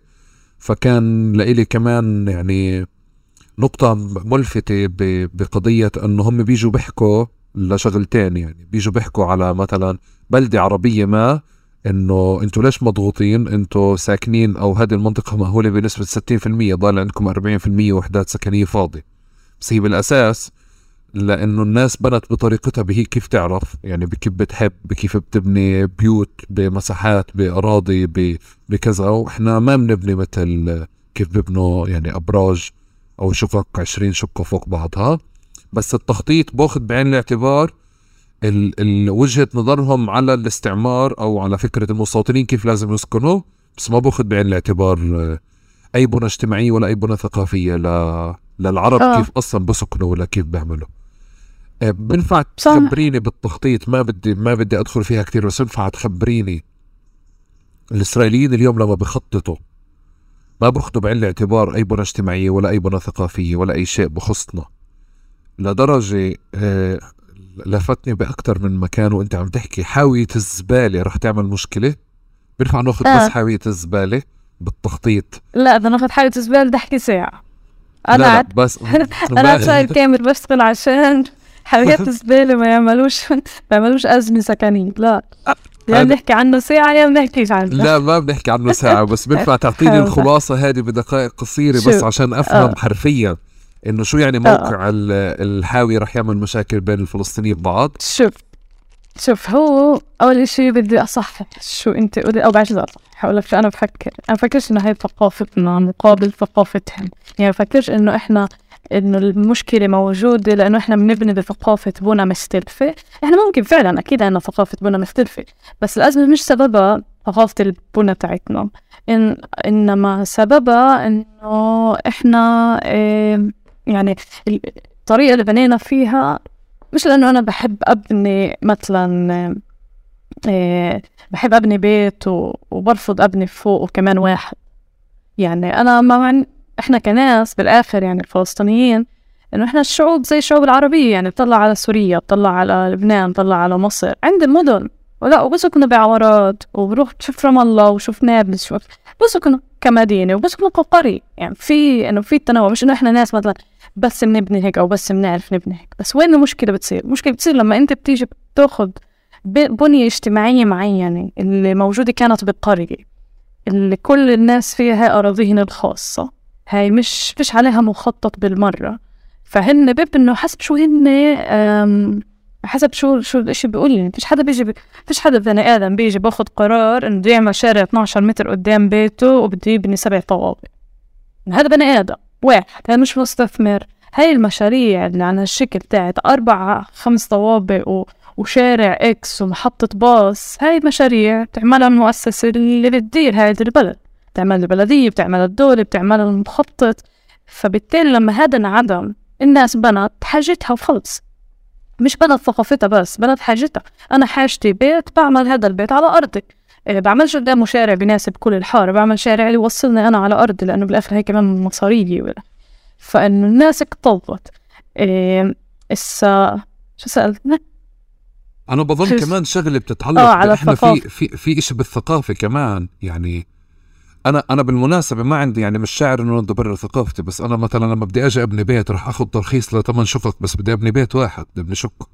يعني هذا جزء كمان من الأشياء اللي بنح... اللي ما كانوا ممكن يطلعوا علي إنه إنه آه ال... إنه أرضي بدفع يسكنوا فيها ثمانية بس أنا ما بدي أسكن أنا أخذت ترخيص ثمانية بس بدي أسكن هاد واحد. وبنفس الوقت بشوف إنه كيف الأولاد اليوم هي جزء من الثقافة إنه كيف الأولاد اليوم زمان كان أنت ال... ال... الطبيعي إنك أنت تسكني مع أهلك وتتجوزي أو يتجوز أخوك في بيت أهلك. أوكي؟ اليوم أخوك ممكن آه، ابدا ما يكونش هذا خيار. بده يدور على بيت تاني بده يدور على حياة تاني. فبقصد في آه، آه، متغيرات اجتماعية بتصير عنا مختلفة تماما عن كيف هم ممكن يعني أنت أهلك صح. ما راح يقعدوا ببيت صح. آه، 60 متر. يعني بس أنت بمكان صح، تاني هم ممكن يقعدوا ب صح. 60 متر. مزبوط. شوف مزبوط. بس أنت وظيفتك كحدا بدير سوري مش بدير حدا مسؤول عن حل مشاكل الناس. إنك أنت توفر جواد لكل أنواع الناس إنه. تقدر يعني فإن فمين وظيفته؟ مش وظيفة الناس توفر جواب وتوفر وتلبي الحاجة وظيفة المسؤول. فعشان هيك لما تصل لوضع إنه أنت مش كل الناس عندها أراضي إحنا بنصنا لاجئين. يعني فيش عندنا أراضي. الأراضي غير إنه صادروها. في ناس أصلا تهجرت من بلدها وراحت على بلد من الصفر بلشت مش عندها شيء. فهذا وين بده يروح ب- بولاده؟ وين بده يبني فإنه حتى لما إحنا حتى لما بيروح سؤال الثقافة بنضل بأزمة. بنضل بأزمة تاعت إنه في حدا لازم يجي يقول لي في X شقق سكنية موجودة بهاي المنطقة. هذه الشقة بتتاخذ بسعر إسكان معين. هاي الشقة بسعر آخر. هذه المنطقة معدة لهدول هاي هذا كله معدوم الناس بتطبش راسها بحالها وين بتلاقي الجواب؟ بتلاقيه بالبلاد بتصفي بتلاقيه بالبلاد اليهودية عشان تقدر تاخذ قرض عشان تقدر تاخذه لهذا البيت زي ما قلنا. فبتضطر تروح على محل اللي بيعرفوا النظام الإسرائيلي. النظام التخطيط الإسرائيلي بيعرفه فبيعرف يعمل هذا الإشي بمناطق اليهود. بيعرف يلاقي شقة 80 متر لناس متجوزين جديد بدخل هالقد بيقدروش يشتروا شقة 200 متر بدهم يشتروا شقة 80 من تلاقيها. بتروح على وين وين في محل اللي عرف يلاقي أجوبة لكل أنواع الناس بكل أنماط الحياة اللي هن بدهم يعيشوها فبروح عند اليهود. بينما إحنا إيه لأنه ولا مرة ولا مرة خططوا لنا لا بناسب ثقافتنا ولا بناسب إشي يعني ولا مرة. فإنه لما بيجوا بخططوا لنا هون بفشلوا بإنه يفهموا التركيبة الاجتماعية والأزمات اللي تعمقت نتيجة الماضي. يعني مثال بعطي مثال على إشي بسيط. أو مثالين عشان نحكي عن حياة زبالة مثال على إيه نقول منطقة اللي فيها X بيوت مش مرخصة. ال X هاد ممكن يكون ألف. أوكي؟ مش إنه ال X هو خمس بيوت. عم نحكي على ممكن ألف بيت مش مرخص بالمنطقة. كلياتها زراعية. فيش فيها لا ف... لا شوارع زي الناس. فيش فيها خطوط كهرباء. فيش فيها خطوط مي الناس بتوصل من بعضها. ناس بتاخد تراخيص بأساليب مختلفة عشان يوصل الكهرباء والمي تيجي الخريطة تيجي الدولة بتقول ده اعمل خريطة. تيجي بدها تسوي الخريطة. شو الدولة بتعرف؟ بتعرف قوانين. في إشي اسمه خارطة هيكلية خارطة على مستوى الدولة أو على مستوى اللواء أو هيك. هاي الخرائط كبيرة كبيرة بتعرف أرقام. تيجي بتقول إنه كل مثلا بلد متوقع إنه عدد سكانها يكون فوق العشرين ألف بهاي السنة آه لازم تبني بهاي الكثافة السكنية. كل بلد هيك. ففي قوانين اللي انت فيش بتتحركش فيها هاي القوانين. هاي القوانين عشان تغير خارطة على مستوى كل الدولة بدك سنين وما حدش بغيرها عشان بلد. فإنه انت تيجي تقول هذه البلد العربية تقع ضمن هذا التقطير رح تكون عدد سكانها 30 ألف بسنة 2050 ومين قرر إنها تكون 200 ألف بسنة 2050 شي واحد عمل حسابات. يعني مش إنه بالضرورة صح على فكرة الحسابات. حسابات مليون مشكلة فيها لأنه أصلا إحنا ما حدا بيعرف يحسبنا. فإنه هاي ما حدا بيعرف يحسبنا ناتجة من كيف إحنا عايشين كمان. فإنه نقولوا إنه إكس سكان رح يكونوا بسنة 2050 إكس سكان فبالتالي الكثافة السكانية اللي لازم يبنوا فيها بالمنطقة اللي أصلا مبنية هي لنفرض عشر وحدات سكنية على الدنم هذا رقم هائل مخيف. شو بيعني عشر وحدات سكنية على الدنم بيننا على كل دنم في عشر بيوت. عشر بيوت اضربها ب...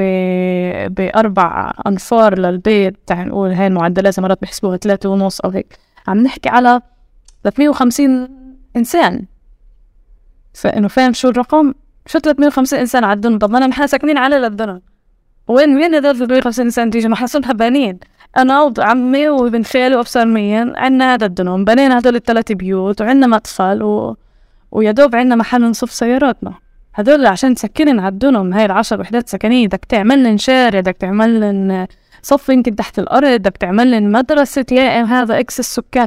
هذا كله بتيجي بتحطه على بلد مبنية.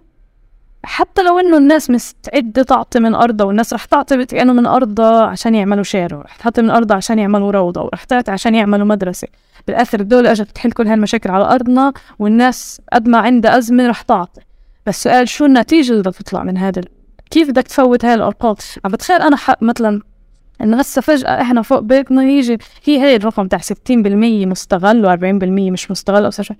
طب إحنا مثلا مش مستغلين مية بالمية من إمكانيات البناء لنفرض أهلنا مش مستغلينها.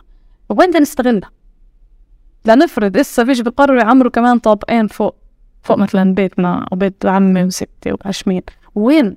وين بدي يروحوا؟ وين بدي يفوتوا إيش نعمل كيف نعمل ندرج وين بدي نصفوا يعني إحنا ب... إحنا عنا. عنا بالحارة صار في صار في قتلى وجرحى على على مشاكل صف. فيش ال structure البنى التحتية بتشتغل مش شغالة بتزبطش. فهاي الأزمة والخلاف إسا لما بصير في هاي الإمكانيات وبتعطي الناس إمكانية تستثمر وتصير أرضها بتسوى مصاري ويصير فجأة هذا دنم يلا بينفع تعمل عليه عشر وحدات. بلا في عندك هاي الحقوق. وبتحول الناس لمستثمرين تبدأ تعمق الأزمة اللي موجودة بين الناس. تبدأ إنه لحظة هذا الدنم إلنا كلنا إحنا كيف مقسمينه هات نبدأ نقسمه هات نرجع للطابو القديم. هات نرجع لابصر شو؟ هي أشياء كلها مش مسجلة تاريخيا مش مسجلة. أراضي لليوم 20 دنم بيكون مسجل على اسم واحد صار له 150 ألف سنة. فإنه دولة ولا مرة حلتها هاي الأزمة. وإسا بتيجي بتمسك الأزمة وبتعطيها أرقام وبتعطيها مصاري. فتبدأ المشاكل بين الناس تبدأ الخلافات تفوت شارع بأرض أنت بالنسبة لك هاي الأرض فاضية بس الأرض مش فاضية هاي للأخو X مش للأخو Y كيف بدك تصير بدها تصير هاي بين أخو X و Y يتقاسموا الشارع؟ كيف بدك مشاكل كتير مشاكل كتير ناس بنت ناس ناس صار لها سنين عايشة يمكن تضطر تهدم لها بيوتها أصلا ناس ملايين صارت هادمة بيوتها وهيك أزمات. بنفع بنفع معلش. آه لا بدي هيك. بدي بس تحكي آه ال يعني الحاوية قصة واحدة كتير صغيرة. عن جد طيب هذه احتمالات انه إنه شيء أنت تعاملت فيه الحاوية وين ممكن تنحط كمشكلة ممكن الناس تطخ على بعض عليها. عشان بدي أنتقل لمناطق سي بدي يعني شوف هي مش بالضبط الحاوية والناس بتطفع الناس بتطفع بعض ممكن فعلا عشان حاوية لأس ضيق يعني بس مثال لمثلا منطقة اللي انت عم تخططها جديد. آه منطقة جديدة انت بدك تيجي تعمل فيها تسويق لأراضي. آه انت بتيجي بقوانين الدولة زي ما قلت بطل ينفع تعمل آه تسوق أراضي بكثافة سكانية واطية. الأغلب عم على إسرائيل على الكثافة بالمطلق لكل لكل الدنيا. بطل في شيء اسمه كثافة واطية. فلما أنت بتيجي بتعمل كثافة عالية بمنطقة زي بلد فلسطينية صغيرة. إيه وبتيجي بتسوق هدول هاي الأراضي لناس. عم نحكي على أراضي تسويق مثال للتسويق مش أراضي خاصة إيه عادة ببندات يهودية هاي تسوق لمستثمرين مستثمرين بيعمروا العشر طوابق وبيبيعوا بيوت.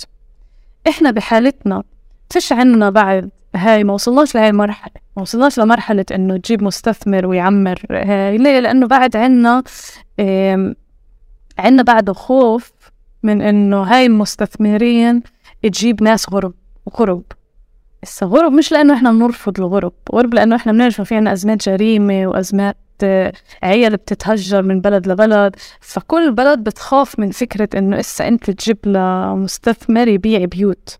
إنه من مين بده يبيع؟ بده يبيع لعائلة إجرام بده يبيع لعائلة هاربة من بلدها عشان تطخط حدا أو هيك. فالناس ضلها خايفة من هاي الفكرة.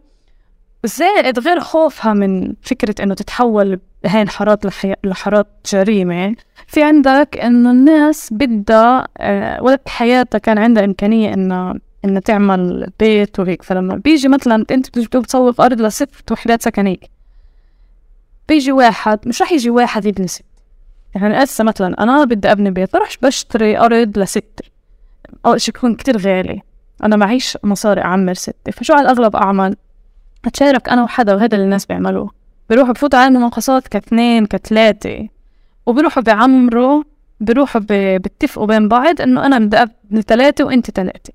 هدول الناس هن مش عيلة هن مش بالضرورة هن ناس قدموا بس على المناقصة مع بعض.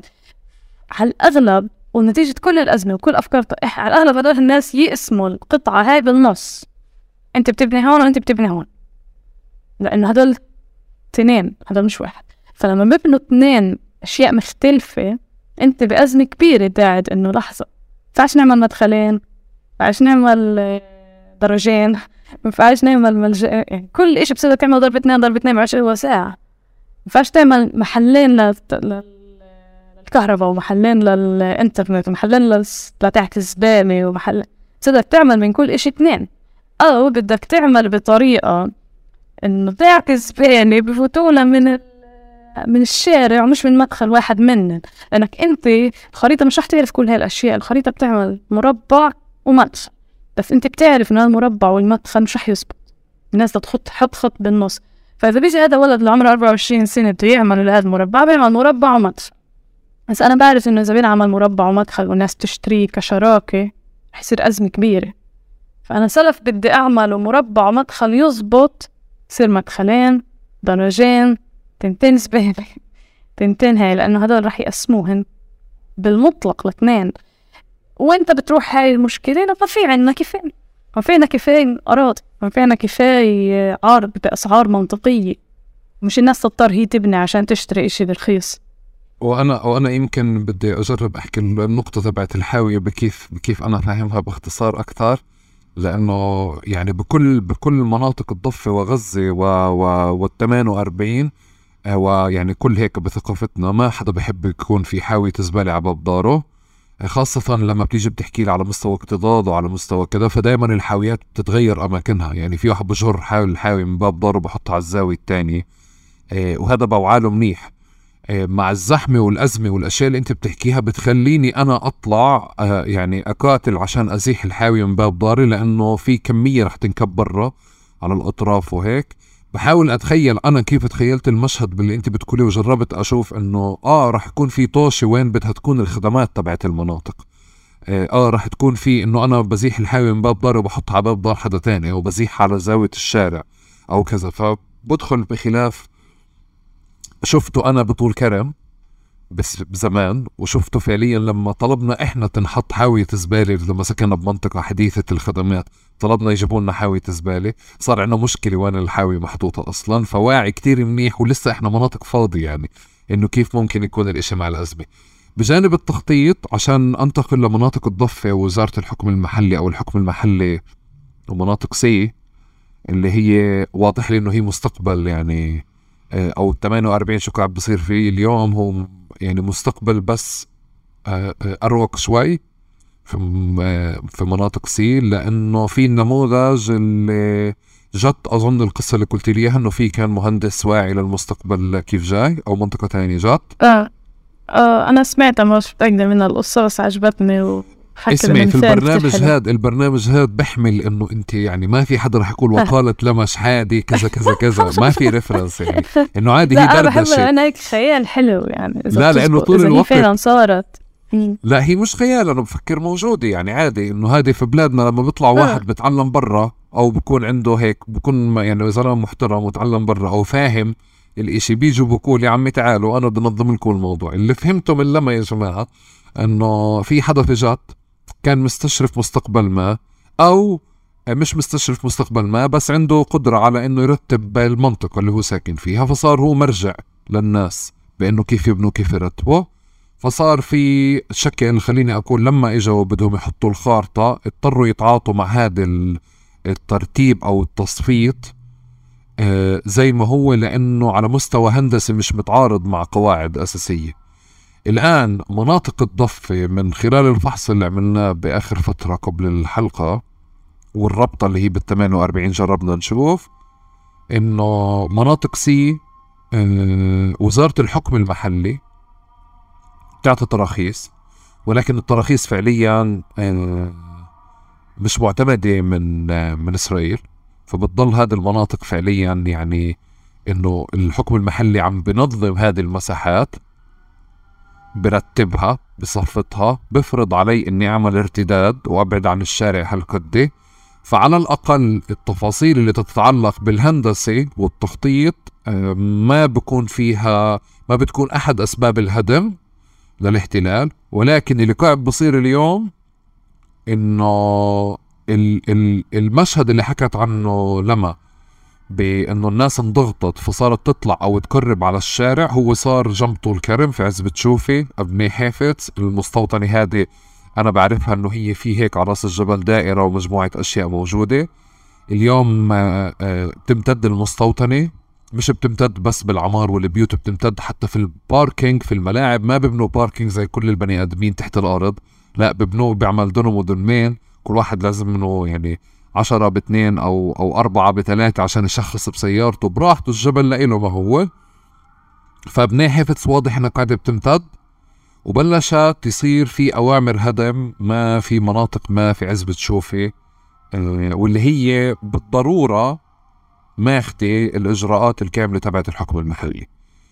آه، المشهد هاد يعني صار مرعب لأنه الجزء من من أساس الحلقة وتقديمها كله وأخذنا كتير وقت وإحنا نحكي على ال 48 لأنه صار في قلق كبير من من إنه هذا ممكن يكون جدا آه، مستقبل مناطق سيب الضفة اللي هي المناطق اللي لما اسرائيل بدها تقرر تضم أو ما بدها تضم أو بدها يعني شو الحجج اللي ممكن فعليا تشتغل عليها. آه، آه، بنفع تخبريني عن شعورك لما لما كنا نحكي وشفنا هذا الحكي شفنا إنه واو مناطق الضفة عم بتكون مناطق ال 48 آه هو شعوري أكثر كان لما والله لا شفنا إنه في مجال ما تكونش أو مش ما تكونش إنه في إشي عم يص إيه اللي هو يمكن يكون منيح. إنه هذا اللي زي كيف يعني كيف أنت حكيت بمناطق سي لما الناس تطلع بريت هاي الرقعة بتضطر تاخد ترخيص من إسرائيل. إسرائيل بتوافقش على ولا خريطة. ترفض قاعدة كل الخرائط اللي تقدمها البلديات إيه، أو الحكم المحلي أو إيه، فبالتالي الناس فيش كيف فيش عندها فيش كيف حتى بتعرف حسب إيش بدها تبني. يعني حتى لو الناس قررت تبني بدون ترخيص إسرائيلي بتعرفش إيش إيش الصح. بالداخل نفس الشيء. الفرق بس إنه بتضف الناس مش مواطنين إسرائيليين فبالتالي هن تابعين لشيء سيادي بألفاظ أخرى. في مسؤول آخر اللي هو السلطة الفلسطينية أو البلدية أو إشي اللي هو مش إسرائيل. فبالتالي في مسؤولية بتاعت إنه مين بده يعمل للناس هاي الخرايط. لا تقع على وكأنه لحد هي لا تقع على إسرائيل. إسرائيل متنصلة منا بالكامل. بالداخل إسرائيل تنصلت منا بالكامل بس ما كانش في بديل تاني. فولا مرة تقدمت سوري تقدمت هاي الخرايط وارتفضت كل وقت وارتفضت وهيك فما كانش في خرايط السبب بالضف اللي عم تصير إنه لما بترتفض هاي الخرايط الخرايط بتضل موجودة وفي سلطة أخرى اللي وكأنه بتطبق هاي الخريطة.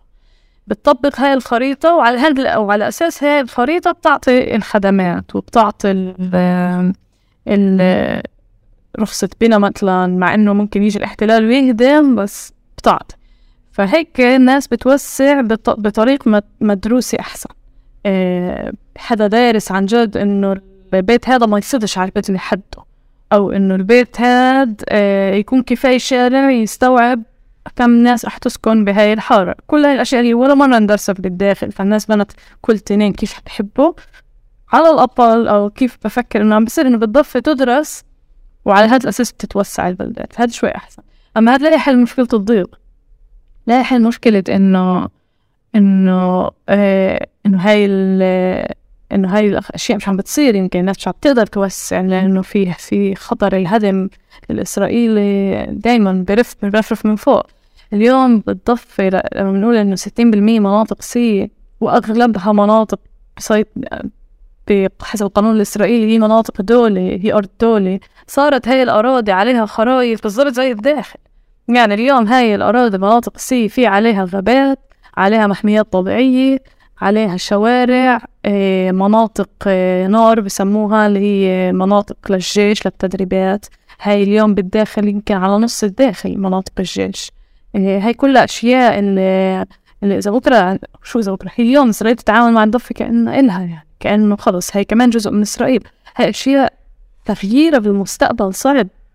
يعني إحنا صرنا حتى إحنا يعني إحنا بالداخل صرنا متهوتين وهيك كأنه في استسلام عام بتاع إنه في قانون إسرائيلي وإحنا قاعدين نلعب بقلبه. بنجرب بنجرب نوسع هون شوي بنجرب إنه هذا الشارع ما يصادرش أرضنا. إحنا هسه عنا معركة مع شارع ستة إنه ما ي... ما ي... ما يصادرش أبصر كم ألف دنم هيك في بتصفي أنت قاعد بمعارك صغيرة. بس الأزمة الكبيرة الكبيرة هي مش بس إنه إحنا بلادنا هاي ما تقطفش وإنه لما نوسع نوسع تمام. الأزمة هي إنه في أغلب المناطق بمناطق سيا وبالداخل هي بسيادة إسرائيلية هي اللي بتقرر كل إشي بهذه المساحة. يعني هي اللي بتقرر كيف شبكة المواصلات تنبنى وبالتالي مين تخدم وشو تساوي. يعني أنت بتقول قاعد إنه هن بيعملوا اثنين دونم parking للسيارات. لأنه مجبورين هن لكل واحد يكون X سيارات لأنه سلف المستوطنات مخططة بمناطق بعيدة آه عشان يسيطروا على الأرض.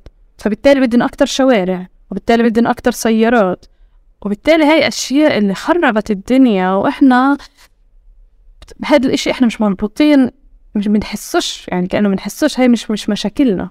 مش مشاكلنا إنه اليوم إسرائيل عندها هالقد كمية شوارع. هي مش مشكلتي. طول ما إنه الشارع مش ماخذ أرض بتصفي هي مش مشكلتك بس هاي مشكلة كبيرة. أنا بفكر إنه هاي هذا اللي بلشنا فيه نحكي إنه شو بنتخيل إحنا عن فلسطين المحررة. فوضى هاي هاي أزمة كب... هاي أزمة عميقة إنه إحنا إسرائيل عم تترك لنا مستوطنات بهذا الشكل. عم تترك لنا مش عارفة هيك بس قصدي إنه إسرائيل عم بت تملي الدنيا شوارع وغابات مستوردة وجففت كل المستنقعات وقاعدة بتبني بهاي الطريقة والمدن تاعتها هناك وإحنا اليوم عم نسكن فيها إيه والضفة صار حالتها زي الداخل بالضبط صارت هاي المساحة اللي ملك الدولة بين أقواس كمان مرة هي مساحة إسرائيل بتدير يعني شو فهم شو يعني؟ إنه عندك بالداخل النص للجيش وبالضفة بعرفش قديش وبالجولان بعرفش قديش هاي كلياتها آه، قطع أرض للتدريب هاي كلها ملوثة. كلها مواد سامة ومواد إعادة تأهيلها بتحتاج مصاري كتير. وإسرائيل لليوم بتعرفش تستعملها حتى هي إسرائيل مش عم تستعملها كاحتياطي أراضي حتى إذا بتحتاجهاش. مع إنه في نظرية بتقول إسرائيل مش عم تستعملها كاحتياطي أراضي لأنه إسرائيل بتجهز إنه الداخل يكون كافي إلها بحالة انسحبت من الشولان والضفة. فهي بحاجة لكل هاي الأراضي العسكرية بالداخل كمان حتى لو إنها بتستعملهاش اليوم. اليوم لأنه إسرائيل بتستعمل الضفة والجولان بتستعملش الداخل قد قد قبل مع إنه بيستعملوه يعني. بس إنه في أراضي كاملة مسكرة مناطق عسكرية هاي غير صالحة. المحاجر اللي ضلت. هذا الإشي هذا حجم الخراب اللي إسرائيل أنتجته إيه كبير كبير ومأساوي اللي هو يعني إحنا أزمتنا الشخصية كتير بتصعب علينا إنه نشوف هاي الأزمة الكبيرة بس تنتين بيشتغلوا مع بعض و... وبعطونا هيك شوي أفق سوداوي بس بس آه حتى هاي القصة الحلوة تاعت ذات إنه عن جد في مهندس اجى وسوى خريطة وارتفضت ومع انها ارتفضت حطها بالجرور وخلى الناس تقول تبني زي هاي الخريطة فبالتالي الناس ما ما عملتش أشياء سيئة. إيه هاي قصة كتير كتير لازم تكون يعني مثال أو إنه كيف بتعمل الخرائط الهيكلية وبتنحط بالجرور بالحكم المحلي وبضل يستعملوها. ضل مهندس البلدية يطولها ويقول للناس بدكم كهرباء. لازم تبنوا زيها. هاي قصص رائعة على إنك أنت بتعمل إشي وبتستناش السيادة الإسرائيلية توافق عليه. صح. المشكلة إنه هذا الإشي ما نقدرش نعمله على فلسطين الكبرى إلا بالخيال إلا بخيالنا إنه نفكر كيف إحنا كنا بدنا هاي الجبال اللي بت... الحلوة تاعت الضفة يكون شكلها. كيف كان بدنا الجليل يكون شكله. بدناش يكون مقطع بهاي الطريقة بدناش يكون هاي المستوطنات اللي على الجبال اللي عايشين فيها دوب 200 واحد. بدناش هيك يكون بدنا إشي أحسن إشي إشي ألطف مع البيئة اللي إحنا عايشين فيها إشي بيخدمنا زي ما بيخدم أي حدا بعيش بهاي المحل إيه ففي إشي اللي خلص بنى أمر واقع. أنا أنا لإلي وأنت يعني خطر الهدم صار زي خطر خطر المصادرة عفوا خطر خطر التخطيط وخطر الهدم زي خطر المصادرة. يعني كيف أنا الزلمة تبع جت يعني أو حتى شو بتعمل الحكم المحلي اليوم لإلي كتير أثر فيها وكتير كتير كان مهم لأنه آه، إحنا خلقانين على فكرة إنه فلان كان مخبي الطابو تبعه أو الكوشان تبعه تمام؟ الزلمة هذا لما حكيتي أنت حتى على مستوى الوصف إنه خلى المخطط بالجرور لأنه زي كأنه آه أوكي إحنا جاهزين أولاد المنطقة ومثلا في ألف واحد ساكنين بهذه المنطقة مشينا على الخارطة هذه والخارطة هذه تبع للقواعد الجميعة والناس بنوا على أرضهم وكذا. بقدر يفرض أمر واقع. بس يعني قد تكون هذه هذه القصص اللي بنحكي عنها قصة جت أو قصة الحكم المحلي يعني قصص آه، تخطيط تحرري أو تخطيط تحت الاستعمار أو تخطيط مقاوم حرفيا يعني بهذا المنطق. في في في بظن الخطر الثاني أو اللي باراد الضفه إنه طول الوقت كمان على ضم على ضم على ضم إنه إحنا بنكون خايفين من قضية مشروع الضم. أنا لإلي آه آه خلال غربتي بمصر يعني من يمكن 2000 و آه لحد 2010 و2011 يعني قبل خمس وست سنين هيك كانت مستوطنات الضفة ما بين ما بين طول كرم ورام الله لما بمرق الواحد عنها بشوف دائما في حزام جديد انبنى. يعني في أرض جديد انبنت إنه بيطلع الواحد بيسافر بكل مكان بالعالم يا الله. بلاقي إنه يعني في صف عمار وانبنى جنبه صف عمار. أما فكرة تمد 2 كيلو ولا كيلو ولا 500 متر وبعدين تبني صف عمار جديد يعني هذا إشي ما كانش مفهوم لإلي. ليه هيك بيعملوا؟ ليه كمية الفراغات هذه اللي موجودة؟ طب هذه الفراغات كيف بدها تتعبى؟ أنا قدام سؤالي البريء تبع كيف هاي الفراغات بدها تتعبى غاب عني سؤال إنه الاستيطان بضل ينحكى عنه في الضفة بوحدات سكنية. يعني حتى الحكومات الإسرائيلية المتتالية لما بدها تحكي بتقول إنه شرعنت أو ترخيص 600 وحدة سكنية جديدة. بس بننسى الأرض. هي وين تنبنى هاي؟ 600 وحدة سكنية جديدة الجماعة. هدول مش عم بيبنوا بس على يعني 600 دار جديدة جنب الدور المبنية لا هم قاعدين باخذوا أراضي. وآخر إشي على مستوى النظر في الضفة الواحد ممكن يشوف آخر صف بيت بعدين بشوف سور المستوطنة أو حدودها بعدين بيقدر يشوف إذا ببعد بس بيعمل zoom out شوي هيك بيقدر يشوف شيك موجود اللي هو هذا ما بعد بعد المستوطنة وبيقدر يشوف كمان إنه الأراضي اللي ما بعد الشيك هذه ممنوع الناس توصلها لأنه بتتم التعاطي معها كخطر أمني أو خطر تحركات ما أو معنيين يهدوا الزراعة فيها أو أو ايا كان. مثل نفس قضية اللبن آه اللبن الشرقية. نسيت اسم المستوطن اللي فوقها لبنات إشي لبنات أبصر إيش. آه بس هذه أرض لإلي أنا على مستوى المنطق يعني ما قبل ما أفهم آه ما قبل ما أفهم شو فهمنا بالحلقة هذه يعني وبالتحضير لإلها إنه هذا هذه أرض موجودة جنب الشارع اللي بنطلع عليه على نابلس. يعني ليه ممكن تكون ممنوعة؟ ليه أنا بس أنزل على الأرض بيجي بيجي الجيش علي وبمنعني أنزل؟ ليه لازم أروح ك آه، مبادرات وطنية وعونة فلسطينية عشان أخلي الزلمة يزرع ولا يلقط كان لإلي إشي عبثي مش منطقي إنه أنا لوين واصل؟ وين وين لفهمت إنه شوي لا حسبة المستوطنة مش فوق على الجبل إنه هي بعيدة وبس أو إنه عم بمنعوني. لا في إشي بتعلق بالمصادرة بمنعي أنا من إثبات وجودي بهذا المكان. ومن هون بنصير نفهم السلوك اللجان آه، آه، آه، اللجان أو الاغاثه الزراعية أو أو وزارة الزراعة بقضية مثلا إنه إذا فلان الفلاني مهتم بأرضه خذ 600 شتله وإزرع. مش مهم الزلمة شو المهم خلص ورجيني أي بادرة إنك أنت مهتم بأرضك. وكل فكرة اللي هو فتح الشوارع وتعميرها واللي هو حتى لأنه بصير أحيانا إنه جماعة مش قاعدين بنخطط منيح بس سؤال التخطيط المنيح بضغط تحت تحت اللي أنا موجود فيه ببطل مهم كتير وبطل أولوية عندي مقابل إنه لا إزرع. يعني أنا لإلي هلأ مش مهم أرضنا أبوي زارعهم بشكل هندسي لقدام بعد 20 سنة بصور صورة بالدرون بتكون إشي زي الصور اللي بنعملها خلفية ديسكتوب يعني. لا مش مهم مقابل إنه إزرع انه إنه أنا موجود عم بعمر ببني غرفة هون آه، وبمد سور وبمد آه، بمد هيك. بس يعني في مشهد بالضفه بال بالضم مرعب وتحديدا قضية أريئيل إنه كيف هذه بطلت مستوطنة. أصلا هذه جاهزة. يعني لما حتى بتيجي بتطلع على الجدار اللي هلا بدنا شوي هيك نمر عليه إنه الجدار أخذ بعين الاعتبار مجهز حاله هذه مستوطنه ضلك توسع لجوا ما في مشكلة وبالآخر هي مضمومة معي هي جاهزة زي ما هي. يعني. صح صح صح.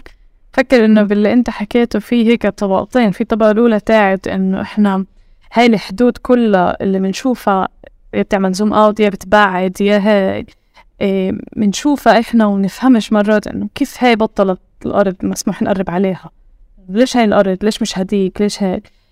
هاي مشكلة هاي أشياء بنحسها هيك بالحياة اليومية لأن أنت هاي الأرض المعينة كنت تعرف مثلا إنه هي قريبة عليك وبتشوفها من هون بس في حدا عن جد شايف كل هاد بالأرقام وبالصور الجوية وبالهاي هو الجيش هو إسرائيل. إنه إسرائيل شايفتن كلن عملتن هذا الخطوط ومقسمتها لهي الأراضي. حتى بأوامر المحكمة اليوم إسرائيل بالقوة بتعطي جمعيات أو بتعطيهن معطيات. قد إيه مساحة الأراضي اللي اسمها أراضي دولة قد إيه مساحة الأراضي اللي اسمها أراضي دولة وإنه عطت لمستوطنات. فأنت بتقول إنه نحكي بوحدات سكنية مزبوط لأنه حتى الإسرائيلي مخبي على حاله وعلى إعلامه وعلى هاي قد إيه قاعد بيعطي مساحات. عم بيشتغلوها بسرية وبيشتغلوها بتخطيط عسكري كامل. وآه بعبث بعبث إنه وسعوا ابني بالأول من برا بعدين عبي من جوا ومد الشوارع المهم يوصلوا. وبالآخر هاي النتيجة إنه إحنا لما حتى بدنا نقاوم هذا النمط إذا بدنا نقاومه بنصير فيش عنا الرفاه حتى إنه إنه نقاوم بشكل إنه يكون مدروس أو بيئي أو أو حسب حاجاتنا إحنا بطلنا نقاوم حسب حاجاتنا أنا يمكن مش حاجتي أبني كمان حارة أبصر وين بالضفة ولا حاجتي إنه أزرع كل هاي الدنيا كرقعة زراعية. يعني كمان مين قال الزراعة هي يعني أحسن إشي بالدنيا؟ إنه إذا مش بحاجتها ليش أروح أمسك هاي الأرض البور اللي فيها نوع ما من الأحياء اللي عايشة وأروح حول أرض زراعية إذا مش بحاجة. فبنصفي آه إنه عشان إحنا نثبت أمر واقع بنشتغل إشي بيشبه إسرائيل. المهم إنه هو ما يجيش ياخذ هاي الأرض. بالداخل على فكرة الاشي على مستوى حط بيت. للأسف يعني لك إمكانية إنه تصفي أنت بقلب أرضك خايف إنه تيجي خريطة إسرائيلية وتاخد لك هاي النص دونم اللي عندك تروح تبني. يعني بتروح تبني؟ تروح تبني معناها إنه إسا كل الخريطة بدها تتشقلب عشان بيتك يوصلوا شارع. هاي إذا عرفوا يوصلوا له شارع. فإنه أنت بتصفي في بالمقابل بالمقابل لما بشمال طول كرم شمال الضفة شمال طول كرم في كفين بتلاقي إنه في مستوطن. هلأ في زيطة عليه. يعني تخيلي هيك قديش الإشي بجنن يعني. إنه في مستوطن قرر إنه يطلع على جبل ما ويحط أرض ما ومدوا له كهرباء ومي الأفندي وقعد. وبعدين إجت حماية الجيش. ونزلت هيئة مقاومة الجدار. وصار في عندي معركة جديدة اسمها إني أنا أمنع الاستيطان بهذه الأرض. بس هو حرفيا هيك بلش. يعني أنت بتحسي إنه عملية الاستيطان عملية الكسارات سرقه الموارد آه، آه، ضم أراضي جديدة أو استغلال أراضي جديدة تشغيلنا عندهم كل اللي بنضل نحكيه هو مش مربوط بإطار زمني عشان هيك حتى بالحلقة تعمدت إنه أنا ما أربط تواريخ أو أقول لك إحنا انت عم تحكي من أي سنة لأي سنة أو عم تحكي كذا لأنه كل رواية حكيناها من أول الحلقة لهلأ هي اليوم تتنفذ من من الصفر. اليوم اليوم في أراضي جديدة موجودة تم مصادرتها آه، أو فرض الخاوة عليها في كفين طلع مستوطن مدوا له كهرباء ومي اجى الجيش حماة. شوي شوي بتصير هذه القصة يعني مساحة ومنطقة كبيرة. وعندك حتى الهيئات اللي الواحد ممكن يكون مختلف معها سياسيا على مستوى النهج. بتلاقيه تبنى بالكامل كل شيء بيعمله مقابل نعم هلأ الأولوية عندنا نحمي الأرض ونحمي الهاد ونقلل حتى عدد مستوطنين. يعني يعني لإلي كل كمان شكل طبيعة المستوطنين اللي موجودين بحلقة أخرى يعني صار عندي فضول أتعرف شو يعني إسرائيلي ب 2022 و 2023 وشو يعني مستوطن؟ هذا المستوطن شوي قبل سنين كانوا من زمور يخافوا يهربوا اليوم هذا ما بهرب بضرب عليه حجر. هذا السلوك وين صار هيك؟ هذا يعني الولد اللي عمره 18 20 سنة هو أصلا خلق بهاي المستوطنة. ما عنده الشعور تبع إنه يعني هو يعني هذا بحث آخر راح يكون بس في إشي على مستوى علاقتنا بالأرض وشكل ال آه، وشكل احتلالنا والتخطيط لاحتلالنا والتخطيط لاستعمارنا إنه إحنا مش شايفينه ابدا في الوقت اللي في حدا شايف كيف قلت خارطة كبيرة وعم بنفذ فيها على مستوى صغير ومشغل كل منظومته الأمنية والسياسية وغيرها لا لا تمشي بهذا الموضوع. يعني ما ما شيء مرعب. بس تعي هيك نتفائل شوي؟ تفائلين نحن نتفائل؟ لا نتفائل أكثر. قبل ما نحكي على غزة في نموذج يدعونا للتفاؤل إنه كمان يعني شي بسينا حكيتي لي شي بسينا أنا ما رضيتش أدخل بتفاصيله. لا بعرفش إذا بسينا يدعونا للتفاؤل إنه بس انسحب الاسرائيلي من سينا. okay. إنه عندنا اسرائيلي بنوا بنوا بسينا. هجروا بدي وهجر الدنيا هناك و... وبنوا مدن إيه، ولما طلعوا هدموها. هدموا المدن وطلعوا. نوعية المستوطنين اللي كانت بسينا نوع تاني كمان هيك يعني مش زي مثلا مستوطنين هن بيقسموا بين بعض هيك عندهم كمان صور نمطية وستيريوتايبس عن عن كيف كل منطقة مين مين بيستوطن فيها شو نوعه شو هيك فاستوطنوا بسينا وطلعوا وهدموا هيك في هن اليوم يعني مش مش كتير مش كتير مثلا مش زي اللي طلعوا من غزة لليوم هن هيك مع إيه إيه مع, مع كان كوميونيتي وبضل يحكوا بالموضوع ويعملوا أشياء. تعون سينا بيعملوا كمان يعني بتذكروا بيعملوا معارض وأشياء عن حياتهم بغزة بسينا وبيحكوا قد إيه كانت جنة عدن ومسر إيش وهيك وطلعوا منها.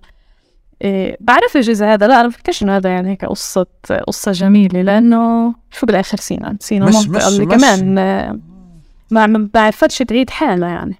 ما عرفتش ترجع لين الناس رجعت ولا الناس غدرت يعني. الحياة ما رجعتش كيف كانت قبل الاحتلال هلا هاي مشكلة تخطيط بسينا كلها. المناطق اللي كانت مستعمرة وغير مستعمرة. بس أنا بنظري كل فكرة إنه هذه المستوطنات على مستوى التخطيط وعلى مستوى ال communities وإنه كان فيها ناس كان فيها حياة. ناس اليوم عاملة قصص ومتاحف وذكريات و communities و free hugs وتعالوا مع بعض نتذكر الأيام اللطيفة في غلاف غزة ومستوطنات. كلها تفكك يطلعوا. آه يطلع.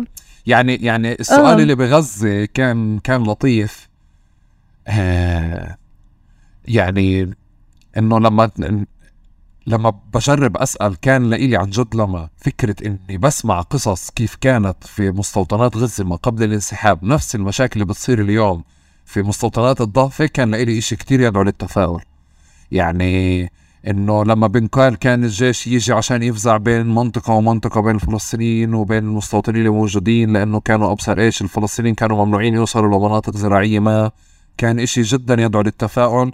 إنه بمعنى آه، مهما غرقنا بالسواد اللي إحنا موجودين فيه اليوم في إشي عن جد ممكن يتغير بيوم وليلة.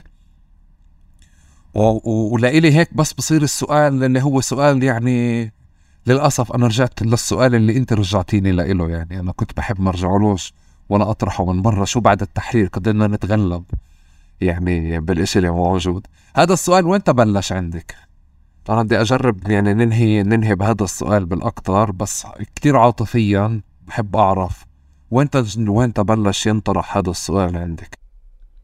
لما صرت أعرف الإسرائيلية لما صرت أعرف إيه، صرت بالتعليم صاروا كثير يعنون عن طيب يعنون عن التخطيط لإسرائيل يعني مش عننا. فإنه بنحكي بحكي بنحكي عن مشاكل إسرائيلية إيه عن أزمات التخطيط تاعتهم عن الأخطاء اللي هن بيعملوها مثلا. بتعرف لسه التعليم نقدي وهيك إنه فإنه على إيه على كل تاريخ البناء الإسرائيلي ومثلا سلبيات وهيك. فصرت أستوعب إنه هذه الأشياء اللي عم بيحكوها عن إسرائيل أحس إنها ما خصنيش فيها ضايقت.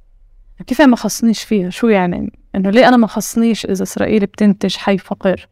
إيه حتى لو إنه يهودي وليه أنا ما خصنيش إذا إسرائيل بتبني إشي و...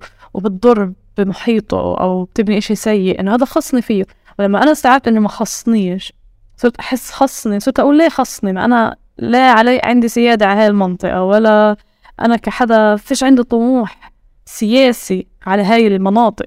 فلما استوعبت إنه حتى إنه إنه بالداخل إحنا هالقد يعني هالقد تأزمنا وطموحنا السياسي لا يتعدى هاي الجيتوهات اللي إحنا عايشين فيها إيه صرت أسأل حالي إنه طب شو طموحنا السياسي أصلا؟ إيه ليش صرت هذا السؤال كيف أنت بتقول عن غزة عن غزة مثال حلو إنه لما صرت تشوف شبهه بالضفة؟ طب أنا بغار إنه إحنا فيش عنا هذا الإشي إنك أنت تفكر إنه هذا رح يبطل موجود إنه هذا الظلم ممكن يروح. بطلنا نتخيله حتى. صار عندنا مشكلة إنه نتخيل حتى آه، زوال هذا النوع الظلم. آه، صرت أغار من الإسرائيلية لأنه الإسرائيلية عندن هيك إنه هي إلهن هي إلهن. بيعملوا كتير أشياء بيقدروا يفكروا بكبير بيقدروا يفكروا مثلا بهات نعمل إشي هيك مشروع كتير كتير منيح و... ونشتغل عليه على مستوى مثلا مدن على مستوى بنى تحتية. بيقدروا هيك يفكروا بأشياء كبيرة. وأنا عن جد أقصى إشي بقدر أتخيل وأنا قاعدة إن كان بالتعليم هون ولا إن كان برا ولا مش مهم يعني بفكر إنه كنت قعدت بمحاضرات لناس مهمة وهيك وأنا أقصى تفكيري بضل يرجعني على الحارة بضل يرجعني على على هذا المحل اللي اللي أنا مفكر إنه هداك أنا مش عارفة أحله شو قاعدين نتخيل شو قاعدين هاي وأربط الأشياء ببعضها إنه لا لا بدي إنه بدي أتخيل هذا المحل بدون بدون احتلال بدي أتخيله إيه بدي أتخيل الهزيمة الإسرائيلية. شو هذا بيعني عننا؟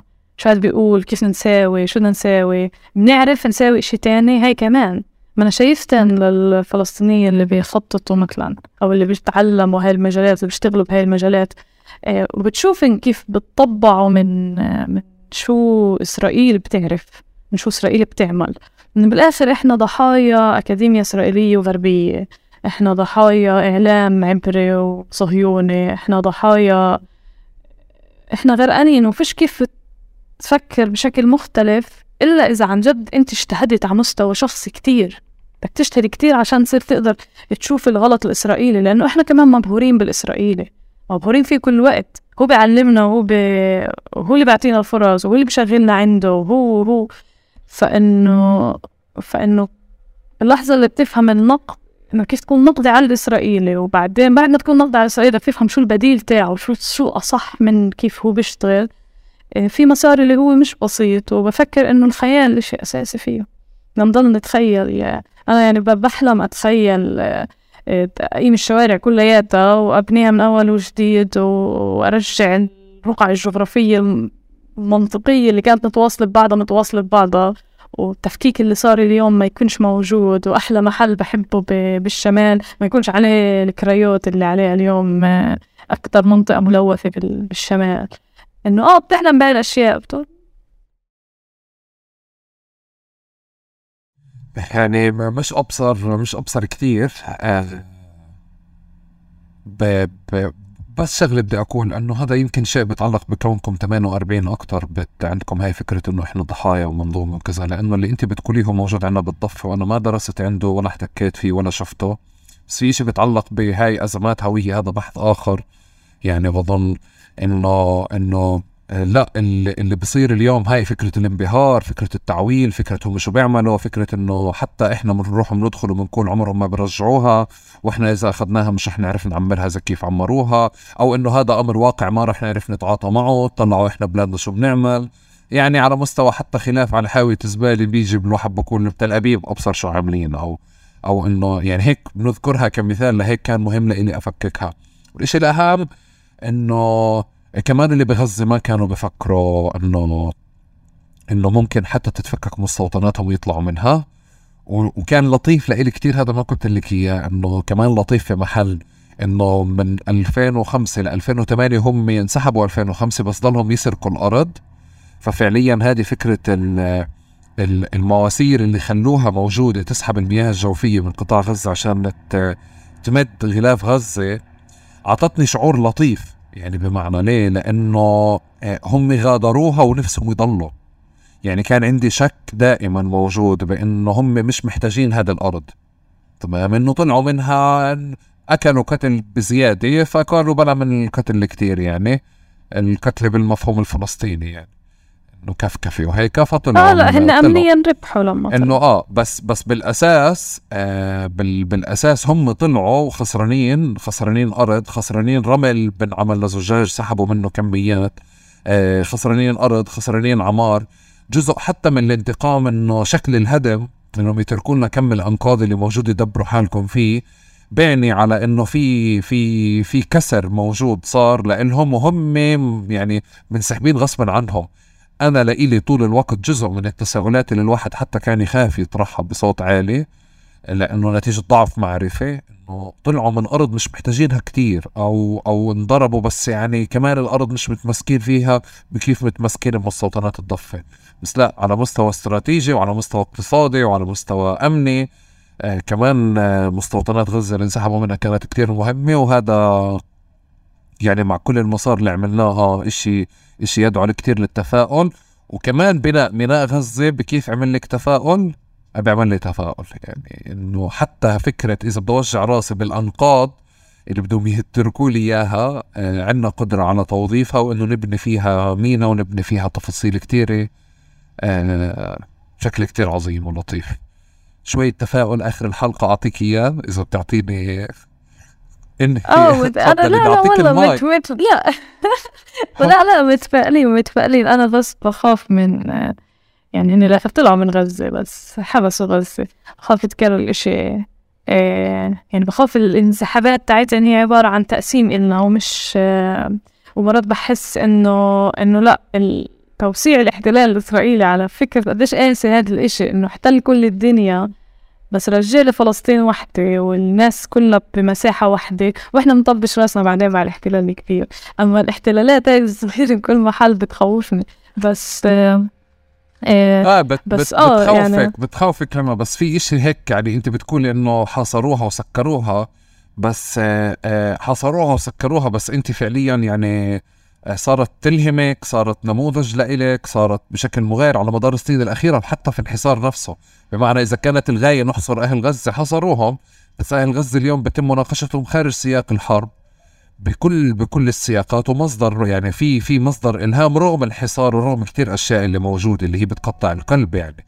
بس كمان في إشي نموذج غزة اليوم إنه آه صراحة بفكر في نكبة نكسة على الإسرائيليين إنه أولاد ال 48 اليوم بتأثروا بنماذج من غزة. يعني إيش الصراحة الله يكون بعونهم يعني مش معقولين شو قصدك ولاد 48 لا شكرا جزيلا. آه بدي أنهي بالسؤال الاعتيادي. شو وضعك مع المقلوبة؟ أكلت امبارح. آه كيف كانت؟ زاكي ولا مش زاكي؟ لا طيب المعلومة. لا آه، أنت أكلتيها امبارح عند مين؟ عند امي امي عملت أمك بتعمل أطيب مقلوبة ولا في غيرها بيعمل أطيب مقلوبة؟ أنا باكلش أكل البيت في كتير محلات أمك بتعمل يعني... أطيب مقلوبة ولا غيرها يا أخي أطيب مقلوبة غصب عنك دائما بالضرورة لا مقلوبة طيب. الأم لازم تكون أطيب مقلوبة يعني. آه بس أنت بتعرف إن إحنا بناكل مع شمالات آه لا بناكلش مع شمانت هاي الشمانت لإلكم. بس أحب أقول لك يعني نحن بناكل مقلوبة مع شمالات آه طيب ماشي شكرا. شكرا لما شكرا يعطيك ألف عافية ممنون لك على الوقت في التحضير والبحث ال- يعني والساعات والضغط اللي ضغطتك فيه آخر فترة عشان آه، تكون هذه الحلقة مرجع و... نعم.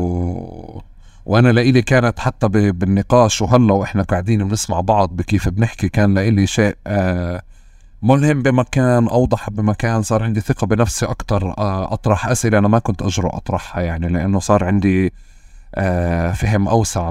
لشو بصير وكيف بنشغل علينا آه شكرا كثير لإلك شكرا كثير لكم. يعطيكم ألف عافية أه بتمنى هذه الحلقة كمان تساعدكم تشوفوا المستوطنات بشكل مغاير تشوفوا العشوائية اللي موجودة عندنا بشكل مغاير أه تشوفوا حتى نشاطات أو أو شكل الزراعة اللي ممكن يكون عندنا يعني نقد عليه عش أه بجنان وليه فلان بده يصور أرضه وليه فلان باني غرفة هون وليه فلان عامل كذا وليه هذا عامل أبصر إيش بجنب أرض الزيتون شو مساوي فيها كل هذا النقاشات. آه، يعني بنلاقي إنه هذه اجتهادات فردية الناس عم تشتغل أو بتتعاطى بغريزتها بدفاعها عن أرضها. وكمان في جهود عم بتصير بشكل منظم وغير منظم أظن تستحق كتير كتير تقدير. آه وبالآخر ما ننساش إنه يعني أنقاض المستوطنات تبعت غزة انبنى فيها مينا غزة. وتنظفت وترتبت وصار فيها اليوم مشاريع كتير لطيفة. شكرا جزيلا لكم ونلقاكم في حلقة قادمة. تنسوش تحكوا كتير عن الحلقة هاي كتير تفاصيل عنها. تعبنا ل- لإلكم عشان نعملها فيعني احكوا كتير مش شوي. شكرا لكم يعطيكم ألف عافية.